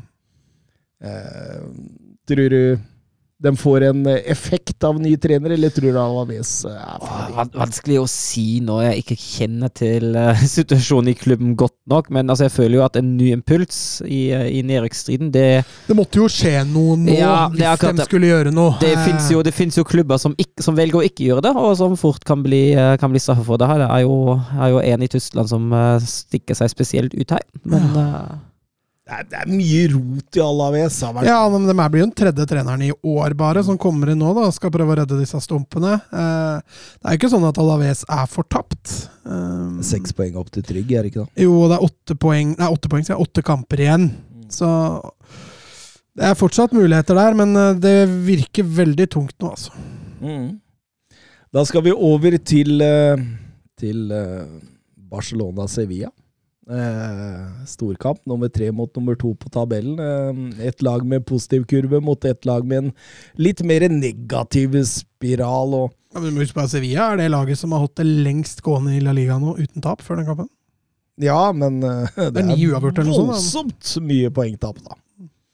Eh, men det begynner å løsne litt på skadefronten og litt sånne ting som vi var inne på i forrige Så så Lamela var helt ferdig etter 25 minutter! Ja, der var kampformen et stykke unna, i hvert fall. Eh, men, men, men eh, Søren, det er, det er ganske jevnspill fra starta eh, på Spotify Camp nå. ja, det, det Det er ikke navnet ennå! Det er til sommeren! Å, fy faen, det er, det er så trist i dag, altså. Uh, nei, det, det er jo det, men jeg syns jo jo lengre kampen varer, desto større blir overvekten til, til Barcelona. og jeg vil jo si at man til slutt nærmer seg en situasjon der Sevilla nærmest blir rundspilt. Mm. Vi er jo ikke da ennå i, eh, i første omgang, men uh, jeg syns jo Barcelona kommer mer og mer, skaper mer og mer og blir uh, mer og mer førende. Forskjellen i første omgang er at Sevilla greier å holde lengre på ballen. I, utover i andre omgang så, så vinner Barcelona den altfor fort tilbake igjen. Det er liksom gode, gamle Barca over den gjenvinningsspillet. og og da blir Sevilla veldig trykka bakover, altså. Mens uh, i første omgang så syns jeg Sevilla fint skaper litt trøbbel for Barcelona, nettopp fordi at de, de har ballen i lengre perioder. Men, jeg- men jeg syns de er for feige, for de angriper med altfor lite. Mm. Altså, det, det du, du, Altså Jeg tror de kunne spilt flere timer jeg, uten å sk- skåre mål der. Fordi altså, du, du, du, angriper med så få spillere Altså, du, du, du skal ha en så stor balanse, da. Hver gang du angriper, at du liksom på en måte glemmer det at eh, hva skal til for å angripe, og, og, og, og, og lage mål på et så godt lag som Barcelona. Men det, det har vi jo snakka om før. At det, det er jo en issue, ikke bare mot Barcelona, kanskje spesielt mot Barcelona for et lag på en litt annen klasse som de møter, men det har jo vært en issue egentlig hele sesongen. Mm. At eh, det angripes, angripes med for få spillere i Ja. en god del kamper. Og, og det blir ganske hett rundt øra på, på godeste Bono der etter hvert. Ferran Torres har vel et par kjempekjanser. Araco har vel en etter corner der. glemte jeg. tenkte jeg skulle sjekke XG-en til Ferran Torres i Barcelona, for den tror jeg må være skyhøy. Ja, Han kommer til uh, sjanser. Ja, han gjør det. Men han brenner jo så fryktelig mange sjanser. Mm. Tenk når de sitter da, Mats. Ja, Hvis han bare, hvis Søren sjekker det, skulle vært artig å hørt de talla. For den, uh, jeg tror han har ganske høy XG i forhold til skårte mål. Men, men, men, men Søren sjekker det Ferran Torres han har allerede nå på på fjerdeplassen over XG-en på Barcelona. Han har sittet med en XG på 6,22. og har skåret hvor mange mål. Fire mål. Ja, det er ikke krise, da. det Kunne vært verre, Det Kunne, føles mye verre. Jeg tror jeg tenkte han, Men, satt, eh, tenkte han, tenkte han satt på en XG med noe sånn ti eller noe.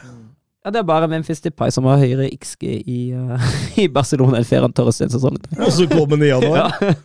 På tredjeplass tredje, tredjeplass er Aubameyang.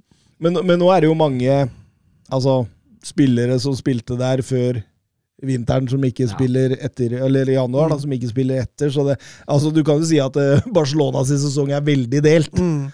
Uh, og, um, men, men samtidig, da, hvis vi klager på Sevilla og, og ehm, angrepsspillet, så kan vi jo skryte litt av hvordan disse to stopper stoppera forsvarer boks. Condé og Diego Carlos er klasse. Jeg tenkte litt på det underveis i kampen òg, fordi begge de to har jo ytra et ønske om at de vil vekk, og gjerne da til Premier League. Og skulle Sevilla mot formodning miste begge nå til sommeren, så har de, et, eh, har de en utfordring. Altså. Ja. At de må selge en av dem, det tror jeg de, de må være forberedt på. Og så blir det spennende å se om de greier å beholde én, og ikke må selge begge. For det er to spillere de fort kan få en milliard for, antageligvis. Og det måtte skje. Pedri. Det måtte Ja. skje. Og det, det, det er jo voksent og nydelig. Altså Han sender først førstemann i pølsebyen, så leter etter en ny åpning og sender enda en i pølsebyen, så tar han enda en touch, og så setter han. Veldig Ja, eh, det er ikke hvem som helst han sender i pølsebyen heller. Rakitic først, og så er det Diego Carlos etterpå. Så han uh, Jeg tror Rakitic sklir enda. Ja, det kan godt hende at han, uh, at han ikke har landa ennå. Og så da nydelig lengste der. eh, Ja, det er vanvittig bra gjort, altså. Pedri har to på siste sju, like mange som han foregående 34 i La Liga, så er det åpenbart at han, han begynner å, å, å treffe mål oftere. Og dette var hans første eh, for Barcelona utenfor boks. Så, så ve ve veldig, veldig morsomt å ta tre ord om Pedri, ja, Mats. Nei, altså han er jo en han er, altså Jeg har ikke lyst til å sette han i bås. Da. Altså, han er den neste Iniesta, eller det, jeg ser så mange av de der. Men ja, altså, han har jo mye av de samme kvalitetene som mange av de tidligere generasjonene Barcelona-stjerner. Men han, han tror jeg blir allikevel litt eget. For han er, han, er, han er en dribler, han er en avslutter, han er en tilrettelegger som veldig mange andre. Men han har et driv over seg, da, og en nærteknikk og en fotballforståelse som, som er ganske unik. og Hvis han greier å opprettholde motoren sin, at han løper så mye som han gjør, eh, så, så blir han jo han kommer til å bli uendelig god. Ja, for det, det, det satt jeg og tenkte på når jeg så den kampen, at han Han er jo egentlig enda bedre i presspillet enn Savi Niesta Mm. også. Og der har du Gavi òg, Mm. som er da Så de er en litt annen De, er, de har litt andre aspekter enn en Xavi og, og Iniesta. Og, Nei, Da har jo fotballen forandret seg litt siden de to spilte òg, da. Det skal jo sies. Helt klart, det stiller større krav til eh, press og, og, og det å løpe og, og fange ball. Det er det ingen tvil om. Altså, Savi Niesta, det var jo Altså, man husker jo ikke de for presspillet, man husker jo de for da, da er du ganske rå hvis du husker Savi Niesta for presspillet! Nei, altså dette var jo Iniesta var jo feinschmecker, og Xavi var jo en playmaker. og eh, En som dikterte. Pedri har noen andre aspekter. Kanskje ikke like god på, som Xavi til å diktere spill og tempo, og sånne ting, men, men han har noen andre egenskaper som Xavi ikke hadde. Mm, mm. Så eh, han er nok nærmere Iniesta enn Xavi, samtidig som han har også noen aspekter som Iniesta ikke hadde. Ja, absolutt. Eh, Lopetegi prøver jo å gjøre noen grep. Setter inn Nesiri og Rafa Mir der. Eh, ja, de, de, de har lyst på rødt kort uh, på Piquet der. Uh, Arojo er jo rett på innsida, derfor er det jo greit med, med, med gult. Uh, åpenbart voldsomt irriterte der. Det er vel noe røde, nei, gule kort som flagger i øst og vest der og sånt, men, men uh, Og så syns jeg det var artig å se hvordan Dembélé ble takka av når han ble bytta ut der. Det var en mann som ble bua ut for kort tid siden, så det er åpenbart at uh, fotball er ferskvare, Mats. Ja da, og nå har de jo satt seg ned igjen. da, Skal begynne å forhandle om ny kontrakt. Det går rykter om at de hadde møtt med agenten til Dembélé i dag. Og at det Barca ikke har rikka seg noen ting. At de fortsatt tilbyr den samme kontrakten. Så får vi se om, om man kommer noe lenger med det. Mm. Deilig, deilig. Radet opp en, en voldsom rekke nå. Barcelona har ikke tapt i alle turneringer siden Copa del Rey-møtet mot eh, Athletic Club i januar, eh, og har ikke tapt i La Liga siden tapet mot Betis 4. desember. Det det er voldsomt. Ja, det er et lag i godt form. Torjus Hansen. Eh, Er Pedri den beste fotballsparkeren i La Liga, og hvor mange Ballon d'Or kommer han til å vinne? Ja, han er vel Kan vi sette han i båsen som den beste fotballsparkeren? Mener, mener han sikkert en sånn playmaker-type, da? Helt sikkert. Helt sikkert. Altså, jeg, jeg karakteriserer han fortsatt ikke over Modric og sånn, så han er, han er på vei dit, og da, han kommer sikkert til å bli det. Mange Ballon d'Or tror jeg blir null. For det, det er Mbapper og Ja, det- det blir- det blir og- de, vet som tar det. Mm. Det er jo noe med at skal noe eksepsjonelt til for at en sånn spiller skal vinne en Ballon d'Or, dessverre. Ja, så Spania må vinne et VM. Ja, være og, vi, og vinne Champions League gjerne i samme sesong og, og alt det der. Så litt som Modric- Modric-effekten. Ja, ja, eller Fabio Cannavaro Ja. ja. type, liksom. Mm. og så må gjerne alle de offensive stjernene kanskje ikke ha en fullt så god sesong. Nydelig, nydelig. Er du fornøyd, Mats? Med Barca? Ja. Ja, jeg syns sluttproduktet her ble ganske bra. Mm. Er du fornøyd med gjennomgangen i La Liga? Og sånn, ja. Mm. Eh, ja, det var jo Altså, Når det gjelder de andre laga, altså Villarreal røyker på en ny stygg smell, så jeg tror vi kan nå ekskludere de fra en eh, Men Betis henger litt med, så jeg. Betis uh, surfa inn en seier. Sociedad skuffa med en uavgjort. Uh, og Sevilla tapte, så nå er det jo tre lag på 50. Så er det 57. Sociedad fikk uavgjort. Uh, husker jeg feil? Var ikke spilte ikke dem i går, da? Alexander Isak skårte på straffespark vel seks minutter på overtid. Ja, da ble det avslutning på slutten, da! Ja, du det gikk fikk og la ikke deg jeg- ja, tidlig, Ja, det stemmer det. Jeg, jeg satt og så 0-0 lenge og tenkte nei, det gidder jeg ikke. Ja, da gikk jeg glipp av, da gikk jeg glipp av en, da. Isak har det femte målet hans i år, da, så han har ikke akkurat Ja, gjort det. To-tre på straffespark eller noe. Han har ikke Ja, nei, så bra for Sociedad, da. Da henger de, henger de vel litt med, da. Og med det så går vi over til Bundesliga. Er macht ein richtig gutes Spiel. Jan Schimonek. Die Wolfsburger lassen so gut wie nichts zu. Grafit. Grafit gegen Lell. Jetzt wird's eine Demütigung. Guckt euch das an. Bist du verrückt? Bist du verrückt? Tor des Jahres. Die Bayern der Lächerlichkeit. Ja, det var jo et slags toppoppgjør, Søren. Freiburg mot, eh, mot eh, Bayern Ja, det kan man jo kalle det. Freiburg er jo, er jo høytflyvende i år, og Bayern er jo, er jo på førsteplass og skulle da ta første stikk på Dortmund, som hadde en uh, vrient kveldskamp uh, noen timer seinere. Litt feriefotball, eller? Ja, for Bayern, ja. Uh, Jeg syns jo Freiburg Altså, jeg bare tenke litt tilbake på den kampen eh, vi snakket om for noen uker siden mot Leipzig, for jeg syns det er mye av det samme. Ligge trygt i en sånn 5-4-1, ligge trygt i ramma. eh, forsvare de sentrale områdene veldig godt, er veldig trange der. Bayern kommer seg ikke gjennom. Eh, det, Sané eh, ligger jo veldig mye ut på høyre. Det er jo denne gangen en ren firebekslinje. Eh, ingen som går inn i den Davies-rollen. Uh, bekkene har en litt mer tradisjonell backrolle der. Uh, veldig mye av det Bayern prøver på å gå via venstre, men uh, Komo han blir for ofte isolert. Det er ikke gode nok løp, og da blir det veldig få sjanser ut av det. Christian Streich. Han har egentlig, gjort det til noen egen idrett, han å angripe med god balanse liksom, i laget. Altså, du, du får veldig ofte nok spillere frem i men, men, men samtidig så, så, så, så har han en så god balanse i laget likevel. Altså, jeg er sikker på han kunne angripe med ti spillere, og vi hadde sagt ja, god balanse, god balanse. det er helt enormt, altså. Og, og, og Bayern sliter jo lenge med, Ja, med dette her, altså. Bayern sliter fryktelig lenge. Eh, Det, det, det kan jo sies i den andre siden at Freiburg tar jo ikke de potensielle overgangsmulighetene som eh, åpner seg heller. Eh, Spiller de litt dårlig ut, eh, hadde jo noen uh, potensielle muligheter der. Måtte Um, ikke Bayern sette inn en tolvte mann da, før de begynte å Nei, det kommer først seinere. Men uh, det, det, som, det som setter jo Bayern på seierssporet da, det er jo dessverre en keepertabbe av Flekken, som han fikk debutere for det nederlandske landslaget. var jo han Eriksen skåra på for Danmark, og fikk også stå hele kampen mot Tyskland noen dager seinere. Har jo vært meget solid i Bundesliga i år, har hatt en fantastisk sesong, eh, men på 1-0 da tar man seg ut. Han uh, forlater Han timer utløpet ekstremt dårlig og Goretzka han trenger bare å heade i åpen kasse der. På etter Ja, absolutt. korridorfrispark. absolutt. Et- comeback-mål. Han har vært skada ganske lenge. Ja, veldig godt å se ham tilbake. Jeg syns jo han så fortsatt litt prega ut, men eh, det, det skyldes jo også at det, det er så ekstremt trangt uh, sentralt i de rommene han liker. Det, det finnes jo nesten ikke hos Freiburg. Roar er jo inn på det når han, eh, når han uh, flere ganger i kampen sier at Freiburg er laget med minst avstand mellom lagdelene, og det ble jo veldig tydelig i den kampen. der. Ja, ja, absolutt. absolutt. Men, men Freiburg har også den mestskårende innbytteren i Bundesligas ære historie, Ja. Nils Petersen, det stemmer. Han er tidligere Bayern-spiller også, og han bruker jo hadde 15 sekunder for å sette 1-1 fra, fra innbytterplassen.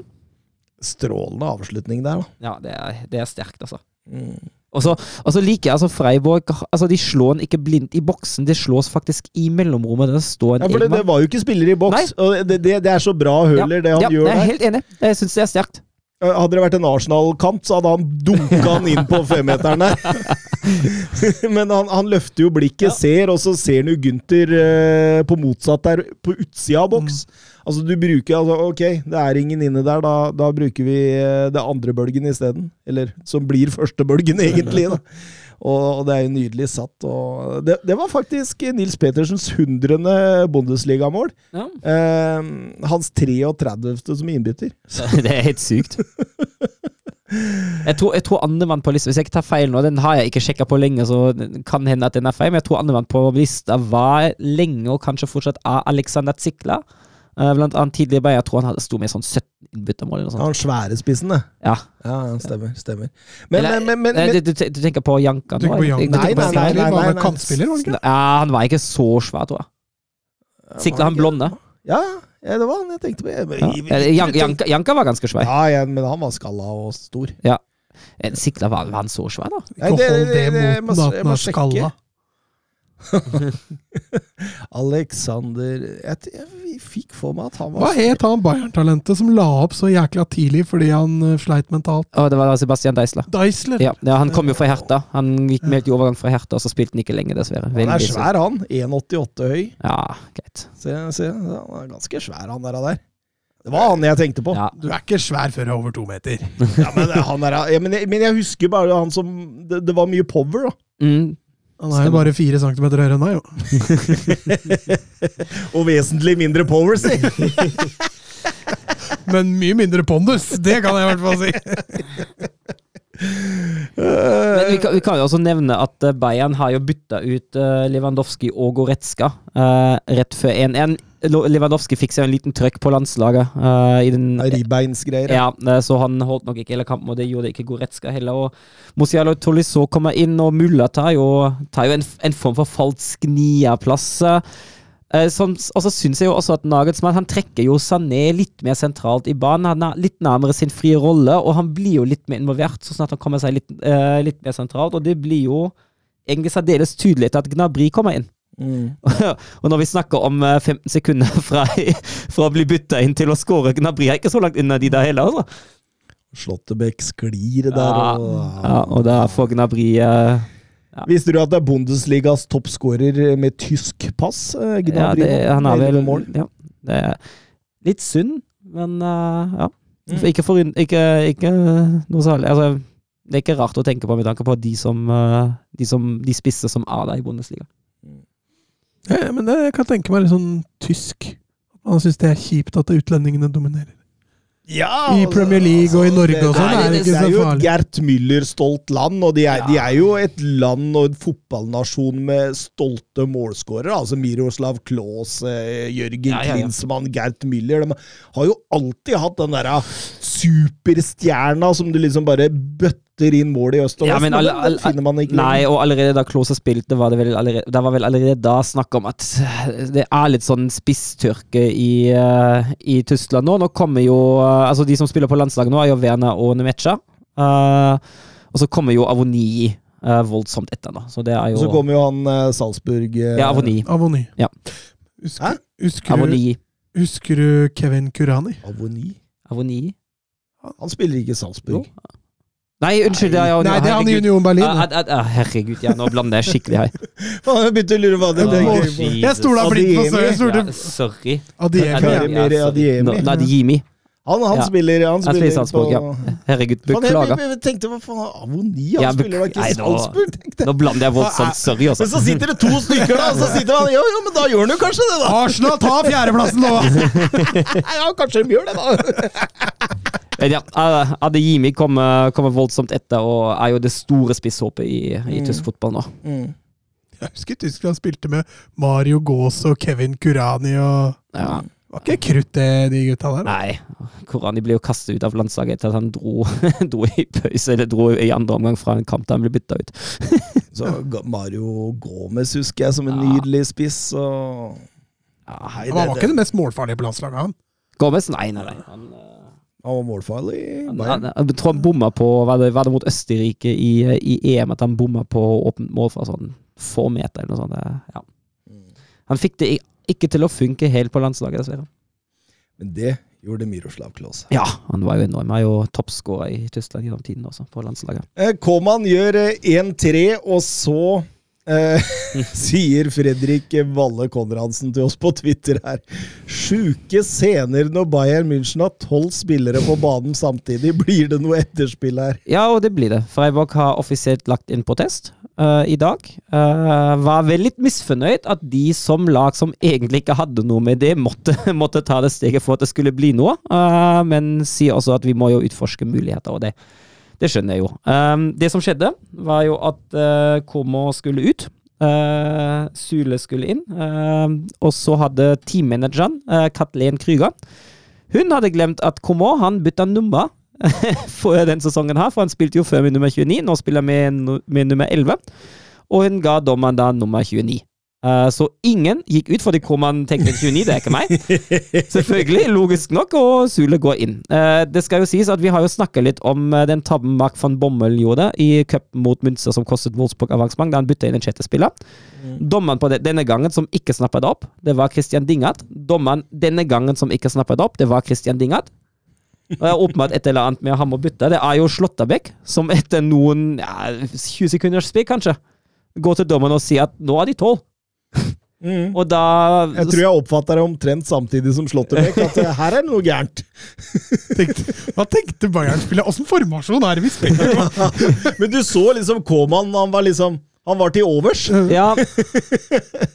Og så, og så avbrytes jo kampen i sånn åtte minutter, og det ses på hva og, og gudene veit, og Hvor man, hvor man forlater jo banen rimelig kjapt. Det er, det, er, det er sjelden man ser det Ja. sånn. Men, men Men dette det, hadde ikke det skjedd Det kan bli poengtrekk. Det, altså det, det er litt usikkert, fordi man har altså Den presidenten med Wolfsburg, det var jo, det var jo noe annet. Da byttes det for mye. Uh, det som vi har i Tyskland, i tysk fotball, har vi ingen sammenlignbare situasjoner. Det var en kamp i tredje liga mellom Duisburg og Dortmund, Uh, Dortmund 2. Da Dortmund-spilleren Bandowski eh, også var for mye på, på banen. Det var altså tolv spillere. Uh, Duisburg tapte den kampen 2-1, men valgte da i 2013 å ikke legge inn protest, fordi de sier der sjøl at han Bandowski han var ikke avfyrende, så vi, vi gidder ikke det her. Uh, Freiburg har ha valgt å gjøre det, så dette har blir, uh, blir nå en rein glede for sportsjurister. Det kan bli, det kan hende at Bayern mister, mister poengene her. Wolfsburg vil jo kaste ut av cupen. Så jeg er litt spent på hva som blir, uh, hva som blir uh, Jo, men Wolfsburg er litt annerledes, da, for der går jo én spiller ut, én spiller inn. De har Ja. gjort et bytte for mye. Ja, men Her ha- er det jo sånn Bayern spiller i 20 sekunder med én mann mer. ja, og, men, og det får jo ingen konsekvenser for resultatet eller noen sånne ting. nei, nei, og, dette, og dette hadde ikke skjedd om man eh, tok innbyttene alltid fra benkområdet, sånn som man gjorde før. Men samtidig tenker jeg jo, altså, som dommer du har, Når det er bytte, har du som dommer den ene jobben å overvåke de byttene. Jeg mener, altså, Ja, Bayern skal jo være i stand til å gi riktig nummer til dommeren, men jeg tenker også at har de jo et ansvar dommeren har, også. Og det er jo ikke tilfeldig at det er den dommeren som bommer på, på to sånne byttesituasjoner i løpet av én sesong. også. Det blir spennende å se hva som skjer Ja, jeg er veldig spent på det sjøl. Når kommer det en avgjørelse der, da? Det bør ikke ta mer enn en ukes tid. Vi får se, det kan ta litt tid. Det der. Vi får se. Jeg, husker, jeg, jeg husker ikke, jeg tror ikke jeg har lest når det skal være forhandling og sånt. Og nå er vi jo ikke i tvil om hvem som er Bayerns tolvte mann. Det er jo ikke supportera, det er Kingsley Coman. Coman. Kan jo ta med oss også at Sabitzer til slutt uh, avfyrer kampen mot Tolisso røyk på en ny skade. Ja, ja, ja. Og at Christian Streich har én seier på sine 19 opp, oppgjør mot Bayern München. Ah, det, det er tungt å, å spille mot, uh, mot Bayern som, som Freiburg. Det var jo også Bayern som påførte dem deres første tap uh, i Bundesliga denne sesongen, i uh, det motsatte oppgjøret. Vi kan også nevne at Bayern München har 85 mål nå på 28 kamper. Det er seks kamper igjen for å slå rekorden for antall mål i en sesong, som ble nettopp satt av Bayern i 71-72 på 101 mål. Altså 16 mål på seks kamper, kan det gå? Det kan gå. Det, det er litt spennende hvis, hvis Bayern skulle uh, avfyre serien tidlig, og det kan jo ikke utelukkes, iallfall ikke hvis de får beholde de tre poeng fra, fra den kampen da nå. Uh, og så kommer man langt i Champions League, som jeg også tror de gjør. Jeg tror de slår ut, uh, slår et Villarreal og vinner den, det oppgjøret ganske kraftig. Så kan det jo hende at man etter hvert begynner å prioritere Champions Kan du spille med tolv mann, så vinner de. Ja, det, det er helt riktig. Coman skal Jeg husker, spille husker det var en sånn, sånn gammel fotballmanager i Tyskland, ganske dårlig, en som kom ut sånn rundt 2000, og da kunne du gjøre det. Da måtte du skyve inn byttene som du skulle bytte inn på den spilleren du skulle bytte ut. Og da kunne du skyve tre innbyttere på samme spiller som du skulle bytte ut, så du kunne, du kunne jukse deg til, til tre innbyttere for én mann. Sto plutselig med tre spisser istedenfor én. Det var vel Pro Evolution Soccer òg, hvor du kunne begynne å filme og sånn. Ja, Fifa 98 kan jo også, kan jo også filme. Ja, helt nydelig. eh, hovedkampen. Dortmund eh, RB Leipzig, eh, nummer to mot fire på tabellen. Eh, Dortmund eh, hadde jo fått med seg at Bayern München vant tidligere på dagen og, og, og måtte vinne for å holde avstanden med seks poeng. På de siste tolv møtene i alle turneringer har Dortmund et overtak med sju seire mot tre, kun to av en uavgjort. Eh, Leipzig vant det motsatte oppgjøret denne sesongen med 2-1 etter mål av Nkunku og Paulsen, og tilsvarende sist sesong endte med Tele 3-2 til Dortmund. Da var det Sancho med to og eh, Royce det siste. Lagene, gutta! Lagene! Ja, jeg kan starte med Dortmund. Da er det to forandringer. eh, I hvert fall sånn rent personell. Det er Hummels for Passlag og Royce for Reina etter den ene kampen i Köln. Men eh, kan jo også nevne at Haaland han ble frisk, han starta. Uh, og at Dortmund eller Marco Rose velger da å angripe den kampen med en trevekslinje. Ja, det samme gjorde jo Leipzig. Uh, kanskje ikke så overraskende at de ville variere på den måten, men uh, med tanke på materialet de hadde der, så, så var kanskje den elveren de starta med, ganske, ganske Ikke veldig overraskende. Eh, de kunne kanskje kjørt inn en eh, en Saboslai eller Klostermann, men valgte å kjøre med en, en 3-5-2-formasjon. Mm, mm. Bra tempo fra start. Jeg syns begge laga søker bakrom i en tidlig fase, og det blir litt sånn der end-to-end-action omtrent. Eh, Begge laga ønsker å, ta initiativet. Jeg, jeg, jeg, jeg, jeg, jeg ikke ja, er, Etter hvert så blir det jo Dortmund, men, men, men Leipzig prøver de også. Men eh, jeg er ikke helt solgt på den treeren bak, fordi altså, du ser at det, altså, det, den formasjonen der er så flytende at det er nesten sånn Nå snakker du om Dortmund. ja, ja. At du, du, du, du, du veit jo Altså, det er i hvert fall Det er i hvert fall en 3-4-3 offensivt. Ja. Men, men defensivt så, så, Så det ser det ut som de har en firer bak. Altså. Ja, 4-3-3, men det så du også. Emre Can hadde veldig begrensa ansvar offensivt, og så skulle han breiere defensivt. Ja, det, blir jo, det blir jo en skeiv formasjon. Mm. Altså Veldig sånn flytende og dynamisk. Ja. Og du ser også at Royce og Bellingham vandrer jo veldig mye. Så det, det, det er veldig sånn Ja, det Hazard gjør jo også det. Han trekker jo veldig mye inn i sentrum, mens Guerrero holder linja bredt på venstre. Men. Kommentatorene var veldig opptatt av at de spilte med to høyrekanter. Ja, eh, det var de vel. Jeg har aldri sett denne formasjonen før, jeg! Så, så. Men, men eh, Ja, det er som dere sier, eh, etter hvert eh, Etter at de har løpt fra seg litt. Men du, du ser jo klare målet til, til laga, men, men det er jo et Dortmund som etter hvert får et greit initiativ før, før det Ja, for Leipzig sliter veldig med første pasning etter, etter at de vinner ball, og Dortmund er relativt gode, i hvert fall i, i å gjenvinne den hurtig og så høyt som mulig. og Selv om Dortmund ikke kommer til de store sjansene, så, så har de, river de til seg et initiativ der. og det er Som du nevner, da, på høyresida så, så har de jo en mann ekstra. da, de, de blir jo veldig høyrevridd i starten av kampen. Ja, og man kan jo si at Royce hadde jo egentlig en stor sjanse, men velger å spille passing istedenfor å avslutte sjøl. det var katastrofe! Ja, han bør bare ha skutt. Ja, verdens snilleste mann. Der kan det få fe- I feil øyeblikk òg. Ja, Ja, Haaland har vel en brukbar en òg. Ja, den var offside. så Var det den å spratt over Simakan? Er det den du tenker på? Mm. Oh, ja, den, ja. ja, den var ikke offside. Så du Simakan? Jeg tror han hoppa to centimeter, og ballen bare rulla opp over panna! Det var, var ordentlig funny å se i reprise! Spent som en tepose og en boligblokk til sammen. Men, men selv om Dortmund har kommet best ut, så er det jo Konrad Leimer som setter 0-1. Ja, og da Leipzigs kampplan etter hvert, det blir jo, det blir jo å gå på overganger. Eh, og Mats er inne på det, at man, Leipzig sliter lenge uh, med de første passingene til ballvinning, også fordi Dortmund er gode i kontrapress. Uh, men eh, når Leipzig finner ut eh, hvor problemene ligger, så blir det annerledes. Men den deg eh, føler jeg går jo mest på Emre Can.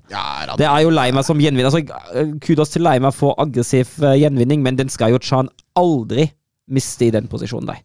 Det er jo så han offsiden Ja, i han gjør det. Så, så Leimer skipper jo elegant på Kobel, og, og, og, og, det, det er så tungt, da. Når du møter et kontringslag, og så har du vært best i 20 minutter, og så får du den imot deg på personlig feil. På piss. Ja, på rett og slett piss, ja, og da Og, og da er det noe sakte, men sikkert så føler man liksom at det er mye av rett og slett piffen i Dortmund går litt ut, rett og slett. ja altså, altså synes jeg altså, Vi har jo snakka om det, at det varierer så voldsomt. Jeg synes jo i den kampen igjen, det varierer så voldsomt. Jeg synes i starten, gegenpressing i Dortmund er helt strålende. Og så bare faller det sammen som et korthus. Og Ja. Leipzig kommer seg inn i mellomrommet gang på gang på gang. Men jeg synes altså, det er, altså de, de står jo fortsatt høyt, Ja, men de mister aggressiviteten i presset sitt. Mm. Og avstandene blir større, og, og da blir jo plutselig Kravene for å spille seg fri blir jo plutselig mye enklere, og, og Leipzig har jo etter hvert ingen problemer. Nei, de kan spille seg fri når de vil. Ja, og hvor de vil, nesten.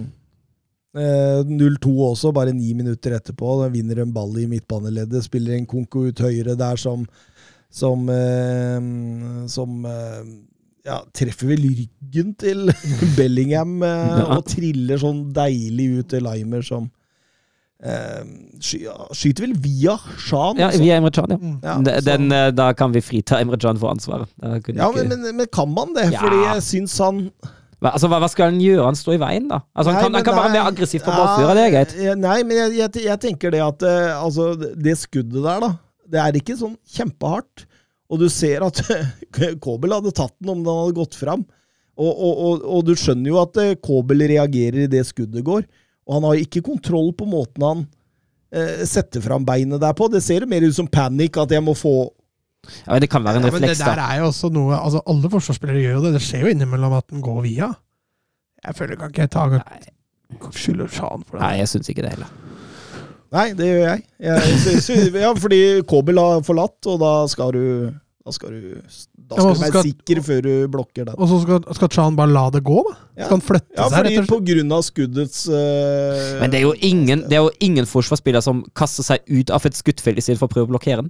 Ja, men det er i hvert fall ingen Det som har det. kontroll på Det, det når fins, Søren Løpker. Det er i hvert fall Men, ingen som eh, har kontroll på når keeperen slenger seg. Hæ? Ja, men Altså, altså, Burnley har jo gjort dette til et øh, på en måte en egen idrett. Det, Ja, men gjør der de jo- gjør de- på det, da. der Der Der gjør de jo hele tida. der tar jo Forsvaret ett hjørne, og så tar keeperen i andre og, hjørnet. og de slipper den til keeperen hvis de ser at uh, dette det, Du ser jo det hver eneste uke i Burnley. Så, ja, ja, ja, men jeg er enig i, i, i premisset ditt. Men å, å ta den avgjørelsen i en ah, tidel av et sekund, det er ikke lett, ass. Altså Trener Burnley bevisst på det, det gjør ikke Dortmund. Nei, Jeg veit ikke åssen Dortmund eh, trener, men eh, nei. Jeg, jeg, jeg syns at du skal holde deg unna så lenge den skuddet var så uh, dårlig. Altså, så skjønner jeg når, hvis, du, hvis du på en måte uh, Hvis det skuddet er knallhardt, og du ser at det her så skjønner jeg at du hiver deg inn, men den hadde jo- trilla i favnen på, på Det er jo også en voldsom risiko å la han gå. Ja, ikke det skuddet. Det ser, altså Hadde den gått inn, da, hvis han hadde latt den gått, hadde jo sett enda dummere ut. Ja, for det er han som må strekke så på seg at du ville ikke tenkt noe på det, tror jeg. Men plutselig, altså, altså plutselig ruller han via stolpen inn, hvor han er plassert nok. Altså, jeg vet. Ja, men nå, nå, nå, nå, nå, nå, Ja, men altså, nå går vi på veldig ja, om hva jeg, som men altså, jeg, jeg syns det er vanskelig å laste en forsvarsspiller for å gå inn i blokkering. jeg, sier, jeg sier at det er svakt. Jeg sier ikke at det er nødvendigvis hans skyld. Men, men Ja, det er svak det, var jo det, det var det du sa i stad. Da Vi sa at vi kan ikke laste Chan. Jo, det gjør jeg. Ja. Ok. Ok. Den er grei. Eh, vi går videre. Um, nå var jeg, falt jeg helt ut her, faktisk. Vi kan gå videre på Jo, Haaland skulle han ha straffespark, det var de veldig klare på. Jeg, jeg syns Altså, ta han ikke ballen, da. Han er ikke på ball først. Og så ser det litt voldsomt ut, ja, men uh, hvis han spiller vekk ballen først, jeg tenker jo at det er greit å la det gå. I hvert fall ikke en, det, altså, det, det er jo ikke noe Altså, ja. altså, det er, altså, tenker Det, er- det er jo ikke noe regel som tilsier at tar du ballen, så, har du ikke, så, har du ikke, så går du fri.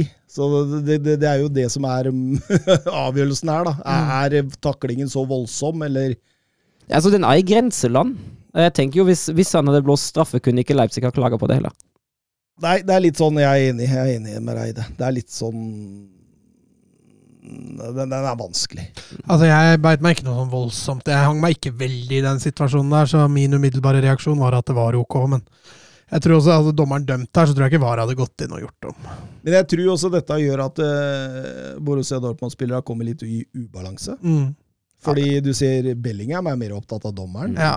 Og, Men det har vært litt hans problem, han kan Ja. fort henge seg opp i dommeren. Altså. Hadde vi ikke den mot, mot Bayern nå på hjemmebane, da han var veldig opphengt i dommeren etterpå? Altså underveis?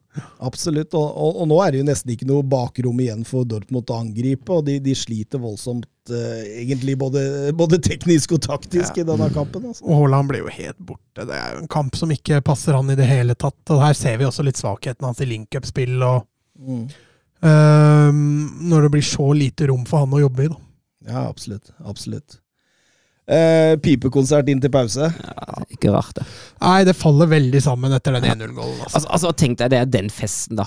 Det er over eh, nesten to år siden. Eh, ja, over to år siden sist uh, Signal Iduna Park faktisk var utsolgt, og det var 80 000 der, og så setter supporterne den rammen. Og så går man Altså, toppkamp lørdagskvelden, alle gleder seg. Mot eh, Leipzig, et lag som er meget, meget upopulært i eh, Dortmund, og så er det den første omgangen der. Ligger man under 0-2. Jeg, kan forstå at supporterne er skuffa, altså. Ja, absolutt. absolutt. Det var, eh, det var svake greier, faktisk. Gå Går helt opp i liminga når de legger seg kommer under 0-1 der. Ja, altså, så er det litt sånn der ting da som bør ligge i margen, da, sånn som når aggressiviteten blir borte. Det, da tenker jeg at da, da, har, da er du, da er du berettiga som supporter og, og kjefte ut spillere, altså. Mm. Mm. Det, det, er så, det er så typisk Dortmund-problem at man bare faller og faller og i løpet av en kamp, altså. Rose prøver i hvert fall fra annen omgang, går over til en 4-3 mer 4-3-3 over hele linja, da, kan du si. Mm. Eh, legger Wolf ut venstre, Hazard ut høyre. Bellingham og Royce ned som indreløpere, med, med ganske frie tøyler, egentlig. og jeg jeg var egentlig litt overraska over det trekket der, for jeg, jeg ville gjerne hatt eh, Reina eller Brant inn rundt Haaland. Mm. Ja, og de, de kommer jo ikke heller.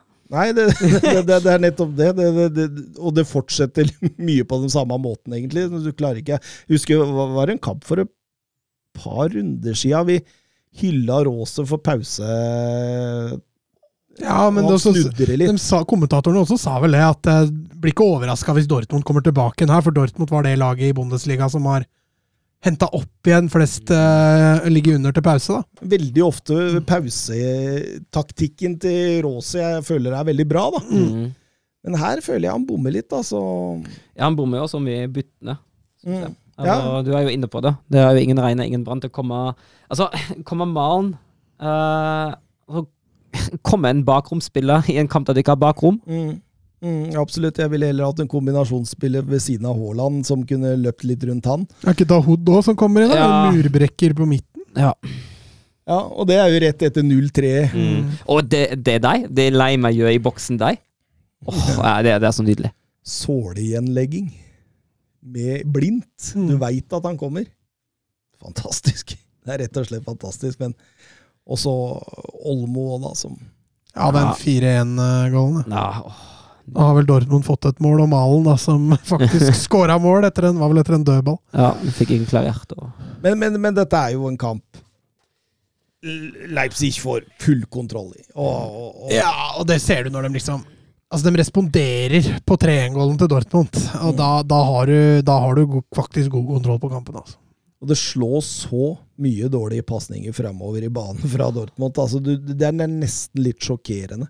Altså, Shan Gureiro Gureiro, hva har skjedd med han? Jeg spurte deg vel ja, før det var, han, han, jeg, jeg, jeg, jeg syns jo den skaden henger litt igjen. Jeg ser, jeg ser det jo også på på Haaland. Jeg syns jo ikke han er helt seg sjøl. En, vi har snakka litt om den sist, den fantastiske kampen mot Armenia, men kampene rundt den Armenia-kampen, eh, både Slovakia og nå, har vært svak. Og jeg føler at han fortsatt ser litt, eh, ser til tider litt preget ut etter den skaden. Altså, han ser ikke ut til å være på 100 helt. Nei, jeg Og vidt det, det med Guerrero tenker jeg er litt sånn det samme. Det har vært mye skader, og jeg føler at det går litt på den. Mm.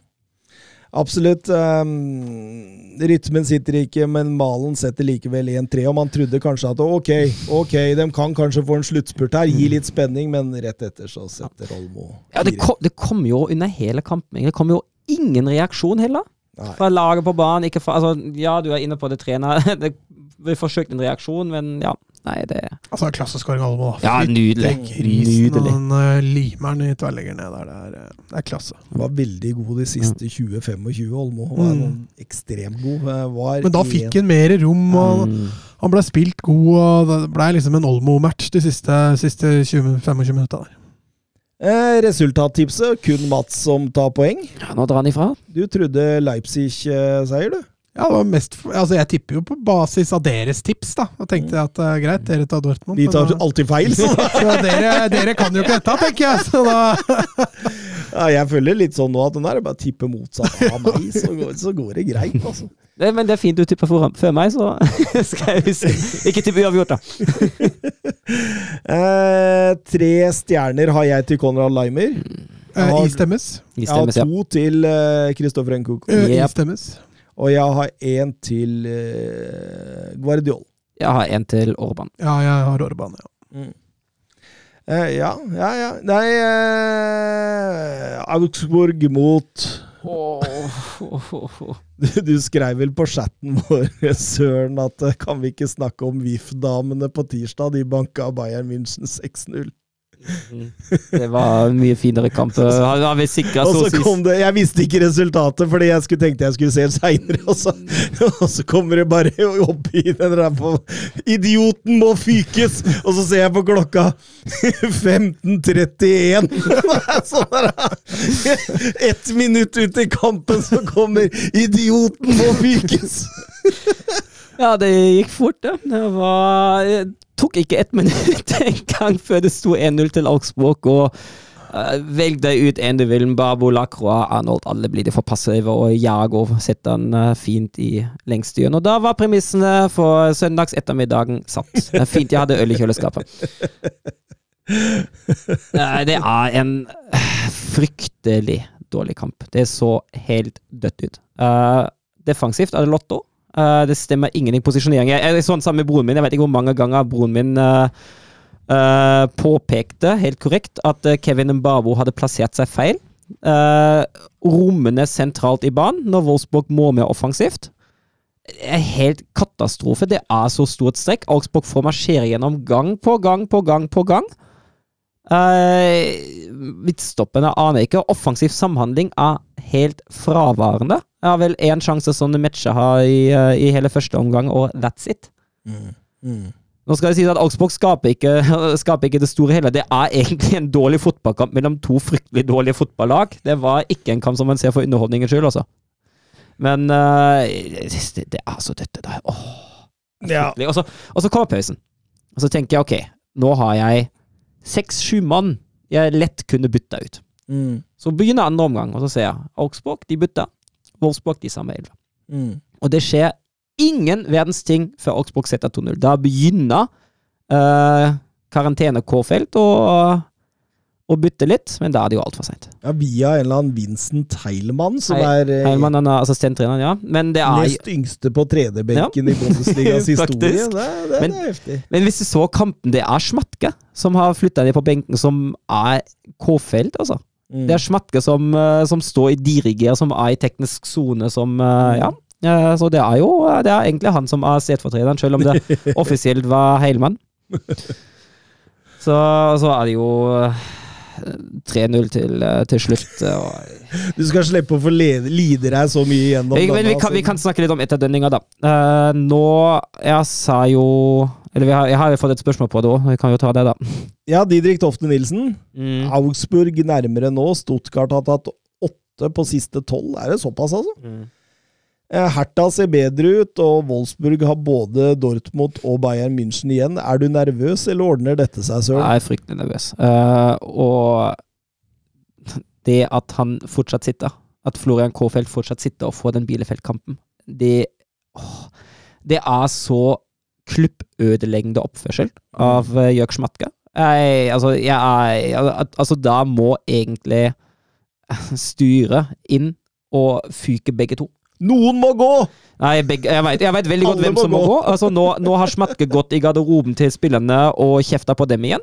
Uh, det har blitt hans uh, Etter at Bommel fikk sparken, har det blitt hans greie at uh, spillere er skyld, spillere er skyld, spillere er skyld. Og jeg skal ikke frita spillerne for noe som helst. Det de leverer på banen, er helt grusomt. Jeg har jeg har tenkt litt i hodet hvem jeg har lyst til å ha med i neste sesong av spillerne. Det er ikke voldsomt mange i det laget der. Men at ikke han makta å se, eller ikke vil se, at problemet sitter på trenerbenken, det gjør meg kjemperedd. For nå sitter vi i en situasjon Hvis vi taper mot Bielefeld, da, da brenner det. Da brenner, altså det brenner Ja. egentlig nå, men da er det, da er det full fyr og fyrverkeri. Har Mario Balutelli tatt med seg fyrverkeriene inn på dass og fyrt dem løs? Mm. Uh, hvis vi vinner mot Bielefeld, går vi i de siste fem med Florian Kårfeld. Mm. Og jeg, jeg Altså kanskje, Vi trenger kanskje to seire igjen hvis vi slår Bielefeld. Mm. Jeg det en, Altså, to seier inkludert Bielefeld, da. Jeg ser ikke hvordan vi skal ta det med Kårfeld. Jeg ser ikke det. Kanskje har vi flaks å, få en eller annen ufortjent, uh, som vi har fått før, mot, uh, mot Stuttgart, Köln eller Mainz. Dortmund og Bayern er i hvert fall klink tap. Ja. Uh, sjekk oddsen på, på de da, hvis de er greie nok for Bayern og Dortmund, er det, er det ganske lett. Men jeg, jeg er skikkelig nervøs. Den Augsburg-kampen den var skremmende. Det er dødt. Det laget der er dødt, og jeg mener at det eneste som er riktig nå, er å ta en ny impuls. Uh, Flytte inn en ny trener. Det er han, han bomma han bomma på inngangen, han bomma på lagoppstilling, han bomma inngame. Det er ikke noe han ikke bomma på. Nei, ikke sant. Ikke sant. Og det, det er så trist å se på, og så sitter det en sportssjef som nekter å se det der. Og det, det gjør meg forbanna, det må jeg innrømme. Jeg ser eh, Wolfsburg sliter jo med å komme voldsomt tilbake i matcher. altså Både nå og egentlig historisk. altså På de siste 51 kampene de har ligget under til pause, så har de null seire, ti uavgjort og 41 tap. Det er ganske ville tall Ja, altså, for å ligge sykt. under til pause. Det er helt sykt. Det er, det er ikke noe bra. Og denne sesongen her sliter vi jo med, med kondisjon òg. Etter 75 er det jo flatt batteri. Må jo egentlig lede med ett eller to mål hvis vi skal ta poeng i, eh, til 75. Det blir jo alltid baklengs mot Freiburg. Tapte vi på, på slutten. Mot Leverkosen fikk vi to i sekk mot slutten og tapte. Og, Ja. og Havard er jo, altså, jo dødt etter 2-0 òg. Eh, kom jo ingenting mer. Jeg ønsker deg lykke til videre, Deppe. Ja, takk. Vi følger dette her nå i seks uker til, så Og med det så går vi over til Serie A. era il marcatore di Cannavaro. Palla tagliata, messa fuori, c'è Pirlo, Pirlo, Pirlo, ancora Pirlo di tacco, tiro,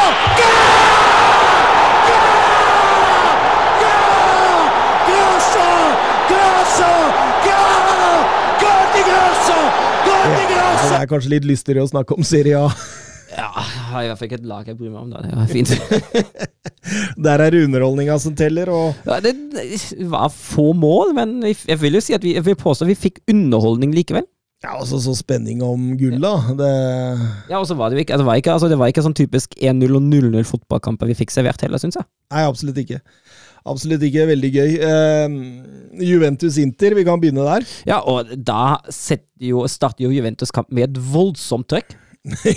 Inter blir jo spilt fryktelig av, og Juventus har jo en rekke sjanser. og vi, snak, vi skal jo inn seinere på en keeper som gjør veldig mye bra. Her syns jeg Handanovic er fryktelig heldig i et par situasjoner at ikke ballen ligger, ligger i målet bak ham.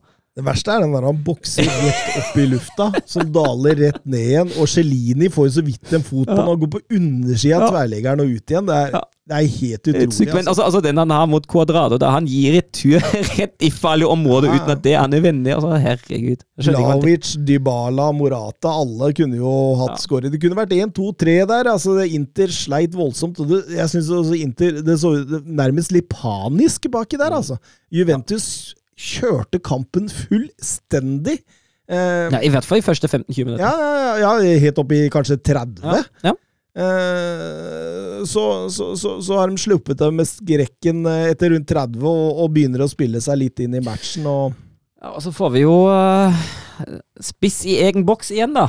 ja, nok en gang eh. Morata og Sandro. Begge er vel på den der, tror jeg. Ja, Dumfries ligger der, og, og, og Inter får etter hvert et straffespark. Som, eh, Som lite kaos.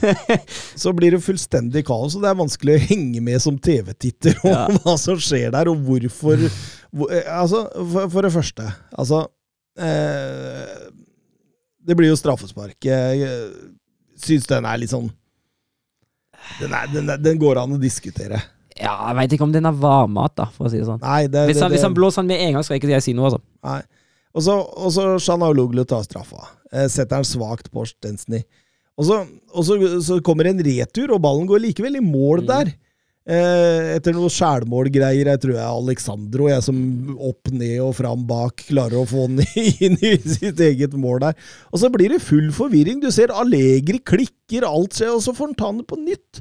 Og jeg, jeg liksom ikke Altså, det, det som skjedde, var at han blåste av målet, hvis jeg, hvis jeg har forstått det riktig. Det, det er ikke helt sikkert, Ja, han men- blå, men- men- Han blåste av for frispark da, for han så at Han mener vel var det Sandro som ble felt? ja, Men hvorfor får han ta den på nytt, da? Fordi det var Juventus-spillere som løp inn for tidlig, og som forstyrra returen. Å, det er det som har skjedd, ja. Ja. Det, det tror, jeg, tror jeg, i hvert fall, etter det jeg har fått med meg, uh, at det var det som skjedde. For du ser at Jeg tror han Juventus-spilleren som er Som setter press på Shalanolo mens han prøver å ta returen, han løp inn for tidlig. Mm. Og da ble det en situasjon. Ja, for jeg jobba fælt med å se i forhold til TV-bildene hva som egentlig skjedde der.